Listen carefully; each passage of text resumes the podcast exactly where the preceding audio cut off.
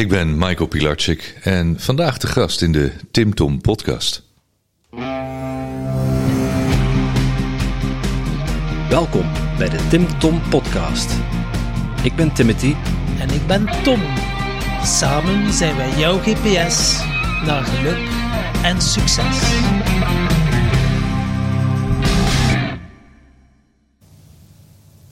Stop, wacht even Tom.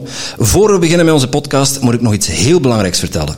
Allee, wat is nu weer? Ja, een beetje reclame maken voor ons Tim Tom Festival misschien. 9 september, Peersbos, Braschaat. Serieus? Ben jij nu echt dat dat nodig is, met al die inspirerende gasten? Eh, ja, hoe gaan wij anders duizend ticketjes verkopen? En met die groeimarkt en die zenzone, waar dat u een keer lekker kunt laten masseren. Ah, En daarbij, de mensen weten dat toch al? Oké, dan niet hè. Pst, ga naar www.timtompodcast.com slash festival en scoor nu je ticket. Eh, wat zie jij tegen mij? Eh, niets, niets. Ah, ik dacht alweer aan zeven worden over dat festival. Ja, ja, lieve luisteraars. Het is hoge dag, Tom. Ja, het is niet enkel mijn verjaardag, maar op mijn verjaardag een mooiere cadeau kon ik me niet voorstellen. Want eh, de gast die we nu hebben, heeft echt wel letterlijk mijn leven veranderd. En niet alleen mijn leven veranderd, ik heb er u ook, Ook nog... uw bij- lever. Ja, ik heb er ook mijn lever. Ik heb er ook nog bij leren kennen. En, Ja, dat was eh, niet uw beste dag. nee. Nee. En eh, daar is ook onze podcast ontstaan. Op Het- Maximum Potential. Het zaadje is daar Het geplant. zaadje is er geplant. En zie ons hier nu zitten, drie jaar en een half verder. En eh, we hebben hem te strikken. Eindelijk. eindelijk. Na twee jaar eh, sympathiek nee te zeggen, dacht ik in Antwerpen. Eh, hij, vroeg, hij stelde de vraag, wat geeft je onrust? Ik zei dat ik nog niet te gast zijn geweest in de Tim Tom podcast. En dan stond hij daar voor 1200 man. Oké, dan zal ik dat maar goed maken. Maar ik heb wel geleerd, nee is een succeswoordje voor pleasers. En ik gebruik het nu ook regelmatig. Dus, eh, maar we gaan eh eraan beginnen, denk ik. Hè? Goed plan. Michael. Dank jullie wel voor deze uitnodiging. Fijn dat ik er mag zijn. Heb ik zo vaak nee gezegd dan? Eh, meer dan drie keer. Oké. Ja. ja, ik zeg altijd eerst nee, daar ben ik heel eerlijk in. Want dan eh, kan ik mezelf nooit eh, iets opleggen, een verplichting aangaan die ik niet kan nakomen. Dus je kunt beter duidelijk zijn en nee zeggen als je toch weet dat het niet gaat lukken. Ehm, als je het niet vraagt, dan krijg je ook nooit het antwoord wat je wilt. Jij vroeg het. Eh, je hebt volgehouden. Eh, het is ook tevens weer het bewijs van eh, doorzetten, eh, doorzettingsvermogen, niet opgeven totdat je het doel behaald hebt. En nu zitten wij hier met z'n drieën. Klopt. En eh, ja, Think and Grow Rich, ook wel onze Bijbel. Daar staat het ook heel mooi in verwoord. Hè. Eh, een nee hoeft niet per se een nee te betekenen. Hè. Je hebt dat ook heel mooi vertaald, dat boek. En eh, ondertussen toch ook al eh, meer dan tien keer gelezen en beluisterd. Dus via je meditation moments en je boek. Dus ja, Think and Grow Rich, voor jou heeft het ook wel je leven volledig veranderd. Absoluut, ja. Ik zei laatst, is het mogelijk dat één boek je leven kan veranderen? In mijn geval was dat zo. En dat was het boek Think and Grow Rich van Napoleon Hill. Inmiddels heb ik het eh, twee keer opnieuw vertaald. En ik las het voor het eerst toen ik 21 was. En ik merkte toen ik dat las dat ik eigenlijk al op die manier leefde. De, de filosofie, de principes van, van Napoleon Hill, zoals hij dat in dat boek beschrijft, die leefde ik al op die manier zonder dat ik dat wist. En daarna ben ik me eh, veel verder gaan verdiepen in het boek. Wat jij zegt, ik heb toen ook 10, 20 keer gelezen. Inmiddels denk ik wel een keer of 40. En, eh, en dat is voor mij mijn Bijbel geworden. Het is de, de gids van mijn leven geworden, die de basis is geweest van alles wat ik nu doe. Ja, en eigenlijk is het voor ons, Tom zei het net al, is het ook een Bijbel. Het is allemaal wel begonnen met dat boek. Ja. Ik, tenminste, ik moet eigenlijk nog een stapje terug. Brian Tracy, Eat That Frog, die schreeuwde met het gele kafje, schreeuwde die namen. Ik wist niet wat ik ermee moest, maar ik heb het meegenomen als, verjaardag, als eh, kerstcadeautje toen. Eh, voor mezelf. Ik heb het eh, gekocht, in de kast gelegd en ja, niks mee gedaan. En na een jaar toch nog een keer doorgebladerd en was één zinnetje wat me opviel. Zei, je auto is een rijdende academie. Luister eens naar een luisterboek of naar een podcast. En toen ben ik op zoek gegaan naar Nederlandstalige podcasts om mezelf productiever te voelen, om me beter in mijn vel te voelen. En waar kwam ik uit? Warempel, Master Your Mindset. Dus Wat geestig, ja, leuk. zat jij opeens in mijn oor, samen met Cindy. Ja, ja, wat leuk. En ja, toen eh, kwam er eh, wat eh reclamepraat over de maximum potential. En ik weet nog heel goed, ik, zat, ik was op vakantie Ik weet ook niet waarom ik daar een masterclass wilde volgen, zo'n online, ja, een uurtje was het, over maximum potential. En daar dan besliste om er naartoe te gaan. En die beslissing die heeft mijn leven veranderd. En ja, Think and Grow Rich gelezen. En ja. Want jullie waren in 2019 allebei bij Maximum Potential. 2018. 2018. Ja, ik had net de beslissing uh, gemaakt om te stoppen als ambtenaar en te stoppen met alcohol. En ja, wat moet je dan doen hè, met de rest van je leven? En waarom doe je wat je doet? En al die vragen. ja, als ik er nu over nadenk en dan Roadmap to Success and Happiness. Allemaal leuk en aardig, die vragen. Als je ze met je mind probeert op te lossen, dat is fucking moeilijk. Dat is zelfs onmogelijk. En dan bevroor ik als, tjoe, wat moet ik schrijven? Bang om iets verkeerd te schrijven en zo.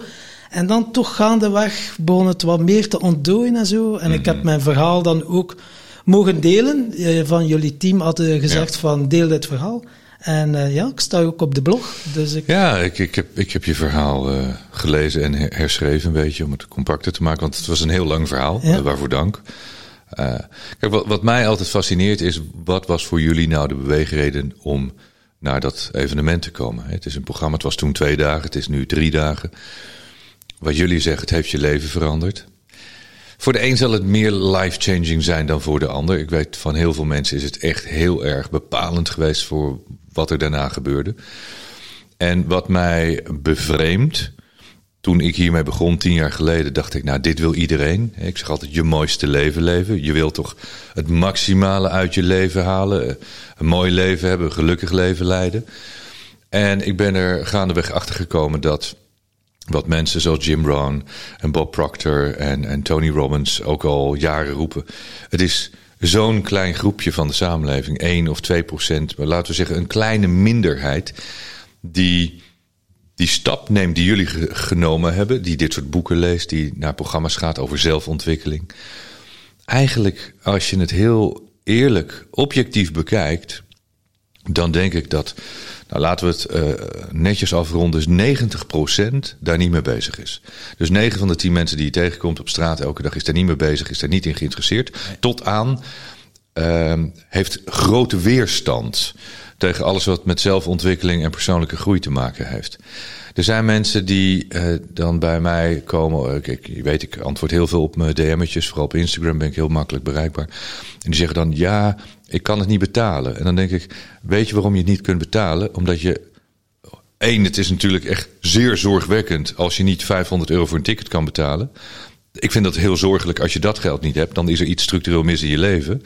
Maar als je dat concludeert, moet je dus juist een beslissing nemen, zodat je dat volgend jaar niet meer hebt, dat probleem. Dat je dat, geldprobleem oplost. Dat is één. Andere mensen zeggen, ja, belachelijk, zoveel geld investeren. Denk van, oké, dus jij vindt jouzelf dat bedrag niet waard. Vind ik ook wel heel bijzonder. Er zijn mensen die zeggen, ja, wat gaat het mij dan opleveren?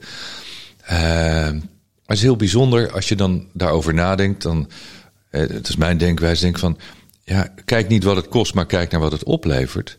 Maar Kijk niet wat het jou nu kost. Nee, kijk wat het jou gaat kosten in de rest van je leven. Het tekort aan, aan geld, aan geluk, aan tijd, aan plezier. Als je nu die stap niet zet om aan jezelf te gaan werken. En wij hebben allemaal een reden gehad om aan onszelf te gaan werken. Ik heb dat ook gedaan. Ik had ook talloze problemen. Uh, ik moest ook heel veel met mezelf oplossen. En je ziet dus dat heel veel mensen niet de tijd willen nemen om aan zichzelf te werken, zijn liever ongelukkig, soms comfortabel ongelukkig, soms diep ongelukkig. Soms accepteren ze gewoon het leven. Veel mensen accepteren hun leven, die leven niet, die accepteren gewoon wat het is, wat er gebeurt. En die nemen zelf niet de controle. Als je naar jullie kijkt, zie je heel duidelijk dat je beslissingen hebt genomen. Je hebt een soort visie voor jullie zelf uitgezet. Jullie zijn iets gaan doen. Misschien iets heel kleins. Hè? Ik begreep inmiddels uh, meervoudig award-winning uh, podcast in België. Um, ja, je hebt een idee gehad. Dat hebben jullie uitgewerkt. En dit is het resultaat. En nu spreek je heel veel mensen, grote namen. Uh, kan je heel veel andere mensen inspireren. Kan je de boodschap doorgeven. Dus je doet zinvol, nuttig werk. Het heeft jullie gelukkig en blij gemaakt. Het heeft je leven veranderd. En dat alles door die ene beslissing. En toch nog steeds zijn er heel veel mensen die zeggen: ja, die zijn heel sceptisch. Ja, ik geloof daar niet in. Waarom zou ik dat doen? zonde van het geld. Die mensen hebben geen benul van de spijt die zij gaan krijgen later in hun leven. En daar bedoel ik niet mee dat je per se naar mij moet komen, maar die, die keuze dat je aan jezelf gaat werken. Want die, die paar euro die je nu in jezelf stopt, is, is dat kleine zaadje dat over 25 jaar een, een hele fruitboomgaard is of een gigantische eikenboom. En als je dat niet doet, dan gaat er nooit iets groeien. Het hoeft niet eens geld te kosten. Het hoeft geen geld te kosten. En luister naar de Tim Tom podcast. Het of hoeft geen geld Leef te je kosten. mooiste leven podcast. Of Dat, dat, dat zeg je heel goed, hè? want dat is natuurlijk de kritiek die mensen ook wel eens hebben. Ja, het kost allemaal geld, het is zo duur. Dat is niet waar. Vroeger kostte het geld. Toen, eh, laten we zeggen, toen ik eh 20, 25 was. Toen er geen internet was, toen er geen podcasten waren. Toen kostte elk seminar geld en, en boeken. Tegenwoordig heb je zoveel podcasts die je kunt beluisteren met inspirerende mensen. Je hebt zoveel wat je online kunt bekijken, YouTube-video's. Zelfs zonder geld weet ik zeker dat je van je leven een groot succes kan maken. Ik ben ervan overtuigd dat iedereen binnen zeven jaar miljonair kan zijn. Als je dat echt wilt. Maar het gaat niet zomaar. Je moet er natuurlijk wel echt iets voor doen. ze komen je halen met helikopter. Ja, we zitten vlakbij een helikopterbasis hier. Veel ze rijden. Ja. Maar het is inderdaad, zoals je zegt, één beslissing. Ik besloot om geen alcohol meer te drinken en ik rekende uit, oké, 600 euro in de maand, s- 7200 euro in het jaar. Oké, dat kan ik investeren in mijn persoonlijke groei. Hypnoseopleidingen gevolgd, NLP-opleidingen gevolgd en zo ben ik mijn pad gaan bewandelen. En Ja, maar nu ben je geen gezellig mens meer. nee, Nee, dat is inderdaad ik verschrikkelijk. moet eerlijk zeggen, mijn dochter zei op een bepaald moment, papa, ik zou liever hebben dat u weer begint te drinken. Oh ja? Ja, Want? ik had humor ook gekoppeld en plezier maken ook gekoppeld aan alcohol. En eer dat ik dat door had, van hé, ik kan ook plezier maken en mijn humor gebruiken zonder dat ik iets maar gedronken dat is de neuroassociatie. Dat is jouw conditionering, hoe je jezelf geprogrammeerd hebt. Van die alcohol, oh, dan kan ik grappig zijn. En wat ik net zei, eh, dat is natuurlijk een beetje de cliché dat mensen altijd zeggen. Ik heb hetzelfde wat jij hebt. Als ze zeggen, wil je wat drinken? Ja, doe maar een glaasje water. Ach, doe niet zo ongezellig. Wil je geen wijntje? Nee. Nou, dat is ook niet gezellig. Want dat is vaak de associatie. Als het gezellig moet zijn, moet er drank bij zijn. Of als er drank is, dan wordt het gezellig. Ja, ik drink nu ook veel minder dan, dan voorheen. Eh, maar ik ben wel veel helderder in mijn hoofd. En ik sta 's ochtends helder op. En ik heb veel meer tijd tot mijn beschikking. Want ik lig niet af en toe weekenden ziek kotsend in mijn bed. En wat jij zegt, het kost ook nog eens klauwen met geld. Nou ja, als je het kunt betalen is dat nog niet het probleem. Maar het is vooral de aanslag op je bewustzijn. Dat je eigenlijk niet eens meer in de gaten hebt hoe je je lichaam en je geest aan het kapotmaken bent. En dan is het heel knap, want dat vind ik van jou heel knap. Dat zou ik wel van jou willen weten. Hoe heb je dan die beslissing genomen? Hoe ben je tot dat punt genomen dat je zei: tot hier en niet verder? Ik was ambtenaar, al twintig jaar, alle dagen drinken met de collega's onder de middag, bore-out, geen zinnen meer in het leven, het echt niet meer weten, ik moet iets anders doen. En dan kwam Master Your Mindset op mijn pad en Miracle Morning. En de Miracle Morning stond een verhaal in, zegt hij, ik ga geen marathon lopen, had alles gebroken in zijn lijf, maar ik ga een dubbele marathon lopen. Ik zeg, ik ga geen halve marathon lopen, ik loop een marathon. En op zeven maanden, stop met alcohol, marathon gelopen, dacht de gouden medaille, alles gaat veranderen in mijn leven. Ik zeg, als ik die heb, mensen gaan naar mij kijken, wauw, je kan nog wat meer dan drinken en zo. Goed, krijg die gouden medaille, een uur erachter, terug pinten drinken. Doel, geen doelen meer in mijn leven. Ik zeg, ola, maar ik zeg, dat ken ik, dat wil ik niet meer. En dan via hypnose van alcohol afgeraakt. En dan zei mijn mentor, waarom maakte van uw shit uw mest niet? Waarom ga je zelf geen mensen gaan begeleiden en niet afwillen van hun verslaving? En zo ben ik dan dat pad gaan bewandelen. En dat heeft, ja... En had zodanig een beeld gemaakt in een hypnose-sessie van stel je voor dat je nog aan het drinken bent, ziet u daar zitten met al uw depressieve collega's, hij vat zich manneken en je stinkt uit uw bek. Dat is nog altijd zo. Zo heftig dat beeld, zo heftig. Als ik eraan denk aan alcohol, zie ik nu die associatie, dan eh, nee, dat doen we niet meer. Maar het gevaar is wel, je stopt dan met alcohol, maar alcohol was om iets niet te moeten voelen, om te verdoven. Maar dat kwam suiker aan te pas. Ja, dat kwamen er nog wat. Porno kwam ook even. eh, overmatig sporten, eh, social media, noem maar op. Ik dacht, hola, ik kan dus niet voelen. Daar ben ik zo bang voor. En dan, ja, bij jou heeft het al wel, eh, maximum potential, noem maar op. Die zelfhulp... cursussen, maar ja, alleen toegepaste kennis is van waarde. Je kunt het wel allemaal lezen en allemaal goed weten, maar het gaan ervaren en kunnen zitten. Oei, ik voel verdriet. Oei, ik voel boosheid. Kan je daarbij blijven? Kan je dat bestaansrecht geven? Kan je daar contact mee maken van, hé, hey, ik voel je, ik hoor je, ik zie je. Wat wil je mij vertellen? Nu ben ik daar uh, mee bezig en dat gaat vrij goed. Maar uh, ja, soms zijn er wel nog stemmetjes dat, damn, ze hebben mij weer liggen. Maar uh, hoe ga jij trouwens, ja, ik, misschien, jij bent ook verslavingsgevoelig geweest, alleszins? Of, um... Ik weet niet of ik het zo kan zeggen. Ik dronk in elk geval meer dan goed is voor een lichaam. Als ik het zo mag uitleggen. En dat, dat, heeft wel, ik kan dat wel een beetje toelichten. Ik, mijn leven was uh, aan de ene kant altijd heel erg leuk, want ik heb altijd kunnen doen wat ik wilde. Er waren ook uh, zware, moeilijke momenten in mijn leven, zowel privé. Ik leefde met iemand die uh, ongeneeslijk ziek was. Wat heel veel impact op het leven van twee mensen heeft. Zij lag soms uh, lang in het ziekenhuis, moest vaak naar het ziekenhuis, was heel vaak ziek, altijd pijn, elke dag uh, huilen van de pijn, echt bidden van laat me één dag geen pijn hebben. Dat is, dat is zo heftig en zo extreem. En jij leeft met iemand, dus jij hebt niet dat probleem en jij hebt niet die pijn. Maar het is niet dat je dan maar je leukste, mooiste leven kan leven als degene met wie je dan getrouwd bent zo ziek is. Dat heeft heel veel impact, ook had dat op mijn leven. Um, en dat raakte me heel erg. En mijn oma, die uh, een soort moeder voor me was, want ik ben opgegroeid bij mijn oma, die overleed. Mijn vrouw was ziek. Ik verloor heel veel geld.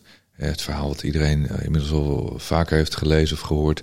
Ik had een schuld van uh, 2 miljoen toen de tijd. Ik was 29 jaar. En ik zag het gewoon niet meer zitten. Ik, mijn leven was uitzichtloos. Dus ik dronk sowieso omdat ik in de media werkte waar heel veel werd gedronken. Meer dan, uh, dan gemiddeld. Was het voor mij ook heel normaal. Ik, ik dacht niet van, goh, wat, wat drink ik veel, wat drink jij veel? Nee, zo was het gewoon. En ja, ik heb dat best wel uh, lang gedaan. Ik, ik durf niet te zeggen dat ik alcoholist was of ben. Maar ik dronk wel veel. En op een gegeven moment toen, uh, toen ik gestopt was uh, met werken, uh, toen ik mijn bedrijf had verkocht, toen ben ik een lange periode gaan zeilen. En toen woonde ik een aantal jaar in Barcelona. Dan praat ik over periode 2010-11. Toen ja, bestond het leven uit smiddags lunchen. Laten we zeggen, een gemiddelde dag was om een uur of 1, 2 gaan lunchen tot een uur of 4. Nou, dan gaan er twee, drie kannen sangria doorheen. Met een paar mensen natuurlijk niet alleen. Dan krijg je een borreltje. Tussen vijf en acht drink je een paar gin tonics. Dan uh, ga je langzaam weer naar het avondeten. S'avonds eet je, eet je wat en drink je nog één, twee, drie flessen wijn. En dan ga je daarna nog uh, wat drinken of stappen. Dus ik zat laatst eens te berekenen. Ik denk, nou, dan kom je denk ik toch al snel tot een drie, vier liter alcohol die er uh, ingaat op een dag. Op een dag? Op een dag. En je was niet verslaafd? Nou, niet verslaafd. Het was niet dat ik het nodig had, maar zo ging het gewoon. Ik kon ook gewoon niet drinken. Het was niet dat ik helemaal desperate op zoek was naar drank, maar het was gewoon het leven zoals dat daar ging. En uh, kijk, de, de, periode daarvoor dat ik best wel het leven somber inzag en niet blij was dat ik ochtends wakker werd met twee oxazepam en een glas wodka, dat was geen gezonde situatie. In Barcelona was het gewoon gezelligheid, maar het was natuurlijk bizar veel drank. En toen ging het niet echt super lekker met me in mijn hoofd vooral. En toen ben ik uh, neurofeedback gaan doen. Ik heb ook heel veel uh, dingen onderzocht, wetenschappelijke dingen wat ik nu doe. Ik wil onderzocht omdat ik wilde weten hoe het allemaal werkte. En ik kan me nog goed herinneren dat uh, die, die, die, dokter toen, die therapeut die, die me testte, die vroeg mij hoeveel, hoeveel drinkt u? Toen zei ik, nou, ja, twee, drie flessen. En die schreef op twee, drie flessen per week. Ik zeg, nee, per dag. en dat had ik nog naar beneden afgerond. Ja, hoe gaat dat? En die keek me aan, die zegt, ja, maar wat vindt u daar zelf van? Ik zeg, nou ja, uh, En heel eerlijk, dat drong niet tot mij door. Zo van, goh, pff, gast, dit is echt way over the limit. Nee, ik vond het best wel oké. Ik lag niet dronken, kotsend uh, op de vloer elke dag. Nee, dat gebeurde een enkele keer als ik dan uh, eens uit was gegaan toen ik in Barcelona woonde. Na zo'n hele dag, nou laten we zeggen in de extreme dat er een keer misschien vijf liter op een dag doorheen ging. Ja, dan word je wel eens uh, s ochtends wakker met een beetje hoofdpijn.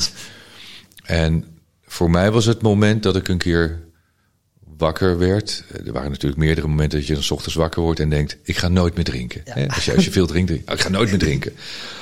Maar een week later, dan voel je je best wel weer prima. En dan gaat het en dan begin je weer. En dan, uh... Maar ik weet nog, er was één keer, ik woonde op mijn boot toen. Mijn boot lag in Barcelona. Dat ik, ja, ik, ik werd s ochtends, s nachts wakker. En al mijn kleren lagen verscheurd door mijn boot heen. Mijn broek helemaal bebloed, mijn t-shirt vol met bloed. Ik denk, wat is er gebeurd? Ik kon me niks meer herinneren. Maar blijkbaar had ik mijn sleutel niet bij me of was ik de sleutel kwijtgeraakt. Dus kon de haven niet in. Ben ik over het hek geklommen. Ben ik aan het hek blijven haken. Dus heel mijn borst helemaal open gehad. Mijn knie, mijn been, alles in het bloed. Die kleren uitgetrokken in mijn boot. Ik ben mijn bed ingegaan en ik wist niks meer. En die volgende ochtend, ja, trillend wakker worden, ziek. Echt zo ziek dat je denkt dat je doodgaat. En dat je bidt en dat je zegt van ik zal het nooit meer doen. Ik ga nooit meer zoveel drinken. Ik denk, ik, ik overleef dit weekend niet. En dat was wel voor mij het keerpunt dat ik dacht van nou, zoveel ga ik nooit meer drinken. Volgens mij heb ik dat ook wel ergens in mijn boek geschreven. Twee weken later. Nee, nee, nee. nee de, de, daarna ben ik daar wel. Uh, dat was wel echt zo van uh, een wake-up call.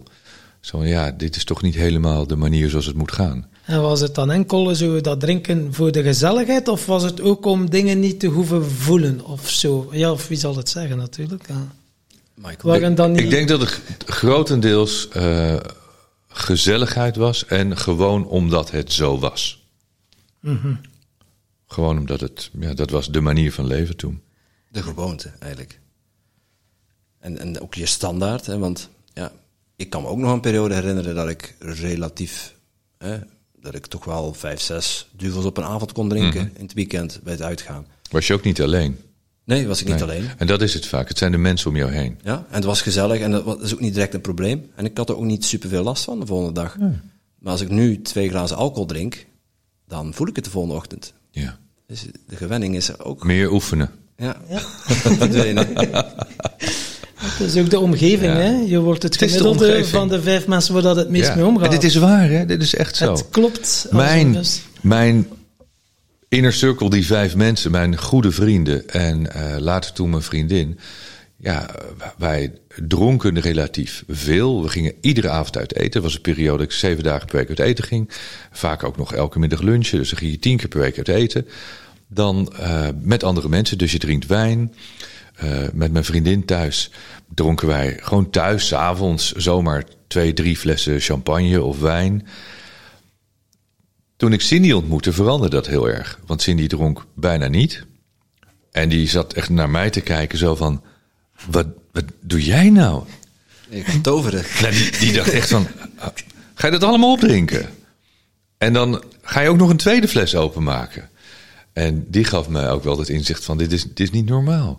En omdat zij veel minder drinkt, ging ik ook minder drinken. Eén, omdat ze het ook zei. Maar je gaat dan niet in je eentje die fles opdrinken... terwijl je partner ernaast zit van, uh, ben jij het doen? Dus het is zo bepalend, die mensen met wie je omgaat. Als die jou aanmoedigen om meer te gaan drinken, ga je meer meedrinken. Als die je aanmoedigen om minder te gaan drinken... meer te gaan sporten, meer gezond te gaan leven... wat Cindy bij mij deed... ja, dan ga je daarin mee. Dat is een keuze natuurlijk, maar ik maakte die keuze. En dat heeft mijn leven veranderd. Ja, ja, ik vind heel herkenbaar. Niet, niet te drinken, maar de mensen waarmee je omringt. En uh, bij mij is het ook gekomen tijdens uh, Maximum Potential. Ik had in Think and Grow Rich al iets gelezen over de mastermind. Over het mastermind-principe. En omring jezelf met gelijkgestemden, met een gelijkgestemd doel. En werk daar samen aan. En dan zul je verbaasd staan wat, wat de resultaten zijn. Dus ja, ik naar Maximum Potential met het idee van... ik ga een mastermind starten daar uh, wat gelobbyd al in de, in de Facebookgroep van uh, Maximum Potential. Dus mensen die het horen en er naartoe gaan, gebruik zeker ook die groep als kanaal. Het is niet alleen de plek zelf, maar ook ja, de online omgeving. Maximum Potential Mastermind Belgium heette dat. of België. En daar had ik wat mensen aangesproken en dan op het ev- eh, event ook in het echt ontmoet. Ja, wat goed. En ja, opeens hadden we eh, een, een clubje mensen. We waren met z'n vijven die er met z'n allen een jaar voor wilden gaan. En ik trok dan de mastermind als facilitator. En eh, Tom was een van degenen die daarin eh, in meedeed. En ik had tijdens MacSpot had ik een, eh, ehm, tijdens de begeleide visualisatie had ik een, een, een heel helder beeld voor mezelf. Ik zag mezelf achter een koffieapparaat staan als barista. Ik dacht, ja, ik was daar naartoe gegaan met de vraag, je vroeg net van, wat drijft mensen om daar naartoe te gaan? Ja, wat is mijn passie? Wat vind ik leuk? Ja, dat zijn vragen, daar kon ik niet op antwoorden. Dat, dat ging niet. Ik had alles gewoon goed voor elkaar, een goede, goede baan. Ik had een eigen huis, ik had een, eh, een toffe vriendin waar ik nog steeds mee samen ben. Maar iets in mij zei, dat klopt niet. Dus ja, zelf omringd met, met gelijkgestemden en dan eh, aan de slag hè, met onszelf. En het is ongelooflijk hoe hard je elkaar daarin kunt helpen en kunt steunen. Het is een vriendengroep geworden met z'n vijven. En ja, halverwege dat traject zei Tom tegen mij van... Ik ga een podcast starten, jij gaat meedoen. Dat was, ook, dat was ook geen vraag. Hè. Had iemand nodig voor de techniek? Ik zeg, het klinkt nog goed. Tim Tom. Ik zeg, we zijn precies een GPS. En hij zegt, jouw GPS naar geluk en succes. Bang! En ik voel hem in gans mijn lijf. Ik zeg, ja, dat is hem. Ja, we- we gaan er niet zomaar inspringen en dan zomaar wat doen. Ik zeg, als ik ervoor ga, ik wil best een podcast starten met je, maar dan wil ik commitment. Hè. Dan gaan we voor minstens 100 afleveringen. En we moeten apparatuur kopen en ik moet me verdiepen in dat, eh, ja, de audiotechnische. Daar wist ik helemaal niks van. Alles zelf geleerd en uitgedokterd. Dus 100 afleveringen of, ik, of we er niet mee. En we gingen eerst iedere twee weken iets publiceren. We hadden een aflevering of tien opgenomen vooraf al, om een keer in te voelen. Is het iets voor ons? Ja, de klik was er eigenlijk meteen. Dus als, je, als mensen aflevering 1 luisteren, dat is echt letterlijk op de tafel, ja, de keukentafel was niet, maar is buiten eh, op de boerderij met mijn ouders, de iPad gaan halen, op rek geduwd. Zit Dag Inge, was een van onze masterminders. Dag Inge, welkom bij in de podcast. En we zijn daarmee begonnen en daar niet meer mee gestopt. Week na week, na week, na week. Ja, eh, eigenlijk moet ik eh, jou heel erg dankbaar zijn dat je die Facebookgroep in België bent begonnen. Want dat is heel belangrijk. Wat je zegt, die masterminds. Ehm, vaak is de vraag van, ja, waar vind je die gelijkgestemde mensen? Je noemde dat woord, hè? Waar vind ik die mensen die net zo zijn als ik? Die, dat blijkt best wel moeilijk te zijn in, in ons normale leven. Maar bij dit soort evenementen kom je ze tegen. Dat blijkt wel. Jullie zijn elkaar tegengekomen. Daar is dit ontstaan. Nou, ik vind het fantastisch dat dit soort dingen ontstaan. En, eh, en ik vind het echt mooi om te horen dat jullie zo'n groep mensen om je heen verzameld hebben. met wie je nog steeds omgaat. Ja, dat is fantastisch. Ja, het zijn echt vrienden. Ja. Ja, dat, ja, dat kan er niet anders uitdrukken. Tom is ondertussen ook beter geworden van mijn, eh, van mijn kind. Ja. En ja, dat eh, kun je vooraf kun je dat niet bedenken. Dat begon wel met die ene keuze en ja, voelen in jezelf dat je het waard bent om die keuze te leven. Ja. Is het dan toch een soort onwetendheid of angst dat je die stap überhaupt niet gaat zetten om naar zo'n programma te gaan? Ja, onwetendheid. Onwetendheid. Ja. Ik Ja. denk vooral bang de confrontatie met jezelf. Is dat het ook? Ja, dan moet je wel eh, op kan, een manier eh, volledige verantwoordelijkheid nemen. Hè, voor al uw shit en het leven dat al hebt gel- geleid en waar dat je nu staat. Ja, dat is allemaal door jouw keuzes die je gemaakt hebt. En als het dan nog een keer knal in je face komt, hm, veel mensen vinden dat niet zo leuk. Maar zou dat dan ook zijn dat men, de, wat je zegt, mensen zijn daar bang voor? Of is het dan van, nou, blijkbaar is er dan iets niet goed met mij? Eh, moet ik naar een soort therapie eh, om weer goed, normaal, heel te worden? Is dat het dat er dan? ook vooral veel schaamte op zit. Ja? Ja, dat- als je dat gaat, begint bedoel, ja. gaat vergelijken met anderen en zo, en dan wordt er nog een keer lekker ingevreven, hoorde nog wat verhalen, ook succesverhalen, en ga je beginnen vergelijken, en dan voel je je nog minder. Ja, en dan begint het, hè, en dan begint dat een eigen verhaal te leiden, en dan ja, durf je om den duur ook niks meer ondernemen. Bang om te falen. Nu weet ik ook, falen bestaat niet. Het is uitgesteld succes. En zolang dat je experimenteert, kan je niet falen. Maar het is gewoon ook de woorden die je gebruikt. Van, ja, moeten doe ik niet meer. Ik kies ervoor. Of experimenteren. Nee, als ik aan iets begin, ik experimenteer, dan kan ik ook gewoon niet falen. En dat geeft wel rust. Ja. Maar je moet het eerst wel van jezelf geloven. Je kunt het wel allemaal lezen. En ja, en vroeger was ik dan eh, helemaal in het begin een kopie van ja, al die zinnetjes. Oh, en van buiten leren. En, oh, want, Ja, maar dat, dat- is ook niet erg. Nee, fake Nee, it is- until you make it. And you're gonna sound like an... Maar er, er moet een dag zijn dat you're gonna make it. Ja, In het begin kun je kopiëren, dat is goed. Ik, ik heb alles en iedereen gekopieerd. En dat doe je niet omdat je een copycat wil zijn, maar omdat dat inspiratiebronnen zijn. Dus ja, ik luister al 30 jaar naar Jim Rohn. Dus als je naar mij luistert en je luistert naar Jim Rohn, hoor je heel veel dingen dat je denkt: hé, hey, dat komt daar vandaan. Ja, en zo hebben we het allemaal van elkaar en geven wij het door. Daar is niks mis mee. Het is namelijk maar één verhaal. Mensen die, die dan zeggen van ja, je vertelt nooit wat nieuws. Er is nooit iemand die iets nieuws kan vertellen. Er is namelijk niets nieuws te vertellen. Als je naar de kerk gaat, vertellen ze daar al 2000 jaar iedere zondag hetzelfde verhaal. Er, er is nooit eens iemand die in de kerk zegt: Goh, vertel eens wat nieuws. Dat, dat, verhaal kennen we nu wel. Wa- Waarom willen mensen iets nieuws horen? Dat vind ik altijd zo bijzonder. Waarom zou je iets nieuws willen horen? Terwijl alles wat je had kunnen leren nog niet duidelijk is. Alles wat je nu had moeten weten, begrijp je nog niet. En alles waarvan je denkt dat je het weet, heb je niet gedaan. Anders zou je niet zo'n kutleven hebben als je nu hebt. Even heel grof gezegd. Zeg, Want als je het allemaal weet en je begrijpt het, ja, dan ben je miljonair, ben je financieel onafhankelijk, heb je een tof leven, eh, ben je gelukkig met, met, met wie je wil zijn, doe je alleen maar leuke dingen en heb je bijna geen problemen meer en de problemen die je hebt kun je oplossen. Als dat niet zo is, weet je het niet en begrijp je het niet. En dat geldt eigenlijk voor iedereen, ook voor mij, want het leven is een leerproces. Je kunt niet zeggen, ik weet het allemaal. Het- Ik denk bijna, maar dat is nu een, aanname. Mensen die zeggen, ja, ik weet het allemaal wel. Dus ook dat wegstoppen. Zo, ik weet eigenlijk helemaal niks, maar ik, ik doe maar alsof ik het allemaal weet. Want anders eh, moet ik gaan toegeven dat ik het niet weet. Zeg gewoon dat je het niet weet.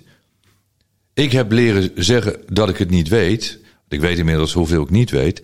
En dat geeft mij het groeipotentieel, waardoor ik heel veel kan leren. Is het dan niet ook het schoolsysteem die ervoor zorgt dat je bang bent om te zeggen, ik weet het niet, want dat wordt afgestraft. Dan krijg je, ja, dan is, heb je een fout antwoord gegeven. Het is eh, alsof dat in de klas wordt gestimuleerd om het wel te weten. Dan krijg je goede punten. Denk je? Kan zijn. Ik, eh, ik sprak van de week met een aantal scholieren.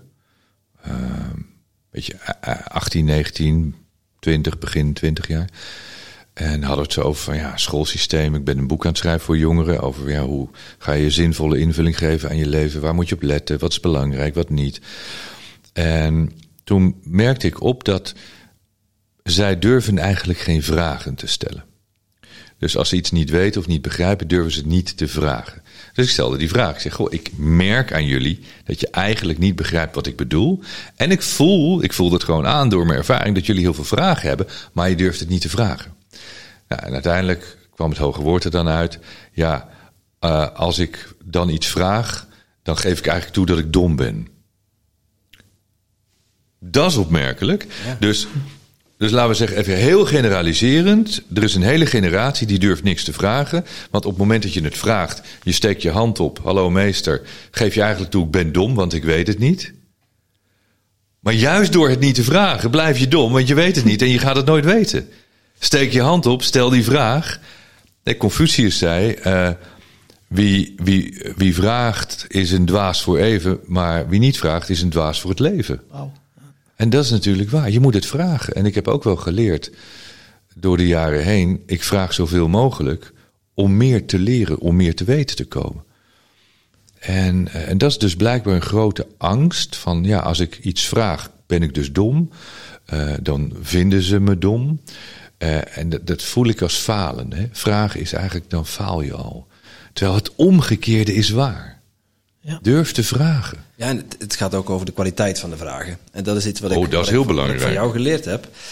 Want ik kwam dus naar Maxpot met de vraag van, eh, wat is mijn passie? Wat vind ik leuk? Ja, ik werd nog net niet onthoofd of gedecimeerd of uitgelachen. Door wie? Door mij? Ja, Oh. u, was, u was redelijk hard. Ja. Maar dat is, dat is, dat is, Wat is- zei ik dan? dat was terecht. Ja. Want hoe kun, je, hoe kun je dat nou niet weten? hoe kun je niet weten, Eh, er waren heel veel. Ja. Je had de vraag gesteld van, van wie hier zit hier met die vraag. Wat is mijn passie? Wat vind ik leuk? Ik denk dat eh, een kwart van de zaal zijn hand opstak. Ja, toen eh, werd je wel even streng. Meester Pilatzik. Ja, dat, dat moest Ja, ook. dat moet en dat, dat confronteren, dat werkt voor mij. Ja. Ik voelde me toen wel even van, wow.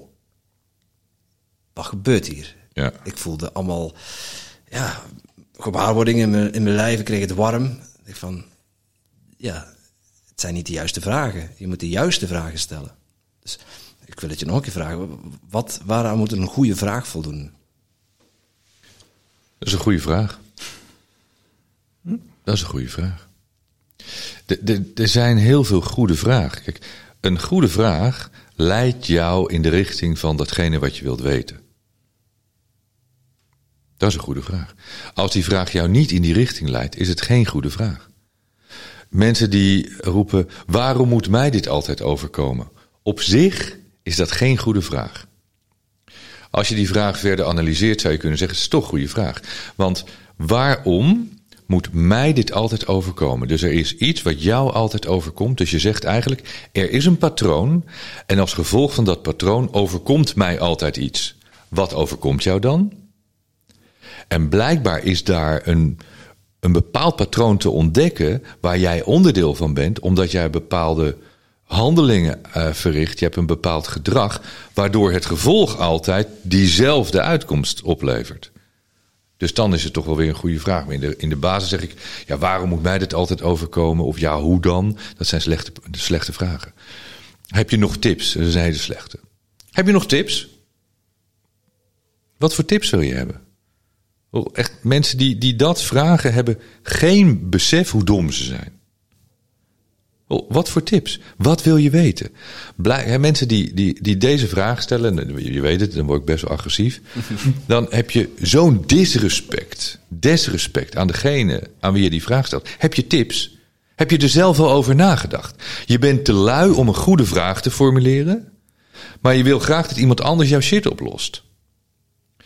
Nou, mensen die vragen om tips, ja, die eindigen allemaal in de goot. Ja. Absoluut. Het klopt. Wat dat voor mij, ja, drie vragen waar dat jij ook al bijna altijd je programma mee begint, is bepaal eerst waar sta je nu en waar wil je naartoe? Dat is het belangrijkste. Ja, hoe simpel kan het zijn? Want ja, je geeft aan het voorbeeld als je een berg wil beklimmen en je moet van in het begin beginnen of je staat op 100 meter van Ja. een top, dat is wel een groot verschil. En hoe komt het dat je er nog niet bent en wie of wat houdt je tegen? Het zijn zo vragen die ik ook regelmatig in mijn coachings gebruik, maar dat is gewoon de essentie. Ja. En Alleen het lijkt zo eenvoudig. Want acht van de tien mensen weten niet waar ze zijn. Als jij van huis vertrekt.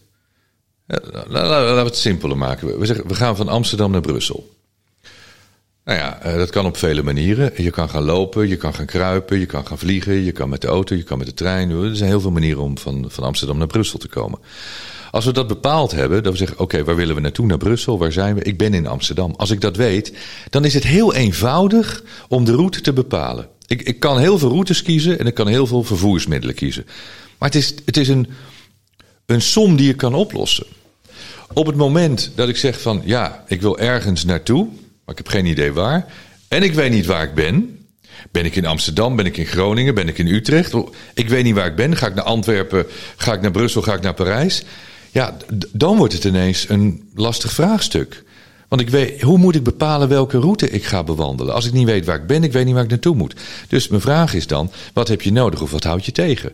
Nou, wat houd je tegen? Ja, ik weet niet waar ik ben, dus ik kan de route niet bepalen. En wat heb ik nodig? Helderheid. En dat is wat, wat vaak eh, het probleem is. Ik, ik, heb, ik heb geen helderheid.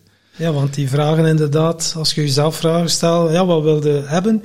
Ah, ik wil gelukkiger zijn, ik wil minder stress hebben. Ja, zo waren mij in het begin ook de kwaliteit van mijn vragen. Ja, begin er maar aan. Hè. Ja. En, dan, lukt het niet. Nee. Dan geraakt het er gewoon niet uit. En er is niks mis mee. Maar dan moet je dus wel je tijd en aandacht daaraan gaan besteden om te groeien, om betere vragen te stellen. Want als je betere vragen kan stellen, en jullie hebben dat ook zelf ingezien, dan, dan ga je de antwoorden vanzelf krijgen. Ja. En dan verandert alles. ja, dan krijg je eigenlijk bijna automatisch het antwoord al. Als je, als je de juiste vraag stelt, krijg je het antwoord. Dat is het. Dan geef je jezelf het antwoord al. En dat is het antwoord op jouw vraag. Wat is een goede vraag? De vraag die het antwoord bij jou brengt wat je wilt weten. En wat je heel vaak ziet gebeuren is dat mensen niet op zoek gaan naar die goede vraag, maar die gaan talloze excuses verzinnen waarom ze geen antwoord weten te vinden. Of waarom er voor hun geen antwoord mogelijk is. En jij begrijpt dat niet, want jij begrijpt hun situatie niet. Je begrijpt hun situatie heel goed. Alleen zij zijn te eigenwijs om eerlijk te zijn naar zichzelf. Om te zeggen, hou nou eens op met die bullshit. Durf jezelf eerlijk aan te kijken. Kijk wat het probleem is. Los het op. Ja, en, ook van welk, van welk punt vertrek je? En wat, wat net aangehaald is. En ik kan me nog heel goed herinneren. Ik zag je op het podium staan. Ik vond het fantastisch. En ik kwam met fonkelende oogjes thuis. En ik had in mijn schriftje opgeschreven van... eh, vertel je eigen verhaal. Ik zeg, ja, dat is leuk. Die Pilartje kan mooi vertellen. Die heeft een mooi verhaal. Hè? Radio-dj en eh, nu zit hij met zijn zeilboot. En eh, Cindy, oh, lalala. En nu staat hij voor duizend, voor, eh, Ja. ja. voor, voor duizend man op makkelijk podium. praten, ja. Die heeft makkelijk praten. Ja, daarom doe ik het ook. Ja. Ja. Maar ik had geen verhaal. Ik dacht, wat heb ik, wat heb ik te vertellen? Ja. Maar dat is, dat is een mooi uitgangspunt. Dus je moet je verhaal gaan vinden. Iedereen heeft een verhaal. En als je geen verhaal hebt, dan creëer je een verhaal. Ja. Ja, en, En nu heb je een verhaal. nu hebben we een verhaal. Ja. Ja, ondertussen kunnen wij zeggen, ja, we hebben meer dan 180 gasten gesproken Ja. in onze podcast. En nu zijn er mensen die zeggen: Ja, maar jullie hebben al zoveel podcast. En iedereen komt in jullie podcast. En iedereen luistert naar jullie podcast. Ja, jullie hebben awards gewonnen. Ja, dat heb ik niet om gevraagd, maar we hebben, ja. Maar, maar, maar er zijn maar heel weinig mensen die aan je vragen: Goh, eh, toen jullie begonnen, hè, eh, hoeveel luisteraars had je toen? Nul. Oh, nul. En toen je met je eerste podcast eh, begon, hoeveel had je er toen nog gedaan? Nou, nul, want het was de eerste. Oh, en je begon zomaar. Ja, nou, niet zomaar. De- en dat hele traject, ik, ik zie dat nu ook. Nu, eh, laten we zeggen, veel dingen die wij doen zijn succesvol. Ik verkoop veel boeken, eh, die events, daar komen veel mensen naartoe. Meditation ja, Moments, ja. Meditation Moments, veel gebruikers. Dus je ziet dat wat je doet, dat, dat eh, werpt zijn vrucht af. Het is succesvol. Mensen zien niet of weten niet dat daar natuurlijk weer een lange weg aan vooraf is gegaan. Ik ben daar weer tien jaar mee bezig nu. En voor die tien jaar een hele andere weg, die ook nog steeds meespeelt. Want al mijn ervaring op het podium, al mijn spraaklessen, mijn werk bij de radio, interviewcursussen. Al die lessen die ik geleerd heb vanaf dat ik een jaar of 18 was, die pas ik nog steeds nu toe. Ik oefen elke dag. Ik werk aan mezelf elke dag. Ik studeer minimaal een uur elke dag. Elke dag. Ja, uiteindelijk leidt dat wel een keer tot succes natuurlijk. En mensen zien alleen het succes. Als, als ik op het podium sta en het licht aangaat en ze zien die volle zalen, dat is wat ze zien. Maar dat is maar een klein stukje. hè. 90% van, van wat je ziet, dat is achterkant. En is bij jullie ook. Ja, die hele weg naar dat succes toe, die wordt vaak overgeslagen. En, en, en mensen willen, eh, het is een beetje gegeneraliseerd, maar mensen willen vaak eh, snel, makkelijk succes. Ik wil snel, makkelijk, ook veel luisteraars. Ik wil snel, makkelijk een succesvol bedrijf. Interessante vraag, komen mensen bij me en zeggen ze, hoe begin ik een succesvol bedrijf? Ja, je begint geen succesvol bedrijf. Je begint en als je dat goed doet, wordt dat bedrijf succesvol. En je kunt in mijn optiek niet snel makkelijk rijk worden. Dat kan niet. Dat, dat, dat vergt tijd en aandacht en effort en inspanning en bloed, zweet en tranen. Je moet er heel veel voor opgeven. En, en dan blijkt dat er maar weinig mensen zijn die dat ervoor over hebben. Maar als je dat ervoor over hebt, is de beloning onbetaalbaar. Ja. En wat je ervoor terugkrijgt. Uiteindelijk is het, wij doen dat al drie jaar onbezoldigd en nu kunnen we het beginnen monetizen. We hebben dat wel drie jaar met onze passie gedaan. Wat, ons netwerk, alle mooie vriendschappen die we eruit opgebouwd hebben. Een Reiki masteropleiding gekregen, met David de Kok in een zweethut gezeten en dan de podcast opgenomen. Noem het zo zot niet op. En dan hadden ze iets van, wauw, het zijn de ervaringen die het doen. En nu natuurlijk krijgen we heel veel aanvragen. Hè. Zoals jij, jij zult toch ook wel elke dag eh, aanvragen krijgen. En nu kunnen we zeggen, ja, oké, onze podcast, we hebben al zoveel luisteraars. Daar staat een bedrag tegenover. Ja, dan begint het win-win. Ons festival ook. We zaten in Antwerpen en zei iemand, ah, ik ga een huiskamerconcert doen. En ik voel, we zit, ik zit met de Timothy in de auto, het is drie kwartier rijden naar Gent. Ik zei, eigenlijk, dat zouden wij een keer moeten doen. Ik zei, zo'n live podcast, gelijk Jong Luca. Ik zei, ja. Ik zei, we hebben ook nog inspirerende sprekers. En misschien nog wat sprekers en nog wat gezonde voeding. We kunnen misschien zo wat een festival van maken. Ja, voor, voor, voor we thuis kwamen was de locatie was geregeld. De Drie sprekers ja, hadden drie, we drie sprekers op, op waren drie kwartier Ja. hadden we al ons volledig festival voor 80%. Ah ja, tuurlijk, ik kom, de datum, alles, locatie. Op drie kwartier, van Antwerpen naar Gent. Zes weken, we hebben het alleen gedaan, wij tweeën. Dus Ja, als- want je, je hoort het goed, zes weken. Dus van een idee ik naar had, een ik had aan Tom gevraagd, wanneer gaan we dat doen? 15 augustus. Ik zei, ja, dat is wel heel ver weg. Ze zei, nee, maar dit jaar, 15 augustus. Zit er over zes weken. Mhm. Maar ja, effectief, als je dan ziet op drie kwartier wat je kan regelen, ja, dan... Ik voelde is het. goed gekomen. Ik zag het, het beeld, ik had het al gezien. Als ik daar de eerste keer in die locatie, een gigantische serre, zijn ook met mooie dingen bezig, VZW Dwarslee. Ik zei, daar moeten we zijn. 200 mensen, het was uitverkocht. En nu ja, wijken we uit voor ja, 1500 mensen, misschien 2000. We hebben ook ongelooflijke namen. David de Kok, Baptiste Pape, Ja, Ellemieke. Vermolen. Edwin Selei. eh, Edwin Selei, noem maar op. Ja, zowel Nederland als eh, Vlaanderen. Dus, eh, en we zouden nu jou ook heel graag uitnodigen, maar eh, de line-up eh, is vol. Het is vol, hè? Ja, Ja, maar sorry, het is. Michael. Het Ja, zal helaas. 2024 Ja. worden. eh, ja. Het zit helemaal vol. Maar jullie hebben echt hele grote namen. Dit is echt... Is het één dag? Nee, toch? Ja, Eén dag. één Hoe dag. kunnen, je kan toch nooit zoveel mensen op één dag laten praten? Ja, daarom heb ik twee podia voorzien. Ah. Ja. Waanzinnig dit. Nee, ik, ehm, ik ben niet in, eh, in de omgeving dan. Maar het, het, het zet me wel aan het denken, want als ik jullie de vraag stel zou... Stel dat we Maximum Potential in België zouden organiseren. We doen het nu in, in Den Bosch, maar waar zou je het doen? Zou je het doen in België? Denk je van, nou, dat is wel interessant. Er zijn mensen... eh, Dat is- Antwerpen, dat is er denk waren ik Antwerpen in de Schouwburg Ik waar denk- ik denk 2000 dat mensen. zeker wel. Ik denk Ja. dat het een retorische vraag is. Als je Ja? ziet Ja, hoeveel, volk dat er was voor rust in je hoofd. Ja, en je bent toch Ja, ja. altijd dezelfde persoon, denk ik dan. Eén avond, twee dagen. Er is echt wel nood aan. In Nederland zijn ze wel iets verder dan in Vlaanderen. Maar ja, Vlamingen gaan ook naar Nederland. Mhm. Dus het is ook wel leuker wat dichter bij huis. En als we nu zien, we zijn twee dagen de tickets verkopen. We zitten bijna aan 200 tickets al. Dus Ja. het stroomt. En het is in september. Dus eh, ja, het gaat Ja. lekker. En... eh, Nou, ik zou zeker zeggen, eh, ga daar naartoe. Ja. En Er is, er is zeker een markt voor, ook in Vlaanderen. Kijk, en wat wij merken, wij zijn nu twee, drie, drieënhalf jaar bezig met onze podcast. En toen wij begonnen, was er nog geen enkele podcast over persoonlijke ontwikkeling in Vlaanderen. Bestond niet. Eh, In, in Nederland had je dan eh, Master Your Mindset, Thijs Lindhout, dat was een 100% inspiratiepodcast. Ja. En had je de eindbazen, Wigert en Michel. Ja, helemaal aan het begin, ja. Ja, maar daar, daar mo- moest de Vlamingen dan ook naar luisteren, want Ja, ja. in Vlaanderen was er niks. Maar er was toen dus ook niet heel veel in Nederland. En want, ja, je hebt gelijk, toen we begonnen was de Master Your Mindset podcast. En Wigert en Michel deden toen eindbazen en Thijs... eh, maar als je nu kijkt, ja, iedereen heeft een podcast. En ik juich dat toe. Ik vind Zeker, het prima, dat, dat is goed. Ehm, maar het woord mindset werd ook helemaal niet gebruikt. Ik bedoel, Nee, eh, nee, nee, nee. tien jaar geleden? Nou, dat- sporadisch. En nu, iedereen is mindset coach. En eh, pff, Ja. ik, zie, ik zie het woord overal voorbij komen. ja, Anyway, dat, dat maakt niet uit. ja. Andere vragen? ja, andere vragen. Eh, Ja, Tom, stel ze maar. Ja, Michael. Eh, maximum potential. Nu heb je, eh, zijn, we hebben twee dagen, maar nu zijn het drie dagen. Waarom een dag langer? Had je zoiets van, eh, ik heb drie dagen nodig? Ja, ik merkte dat het programma in twee dagen.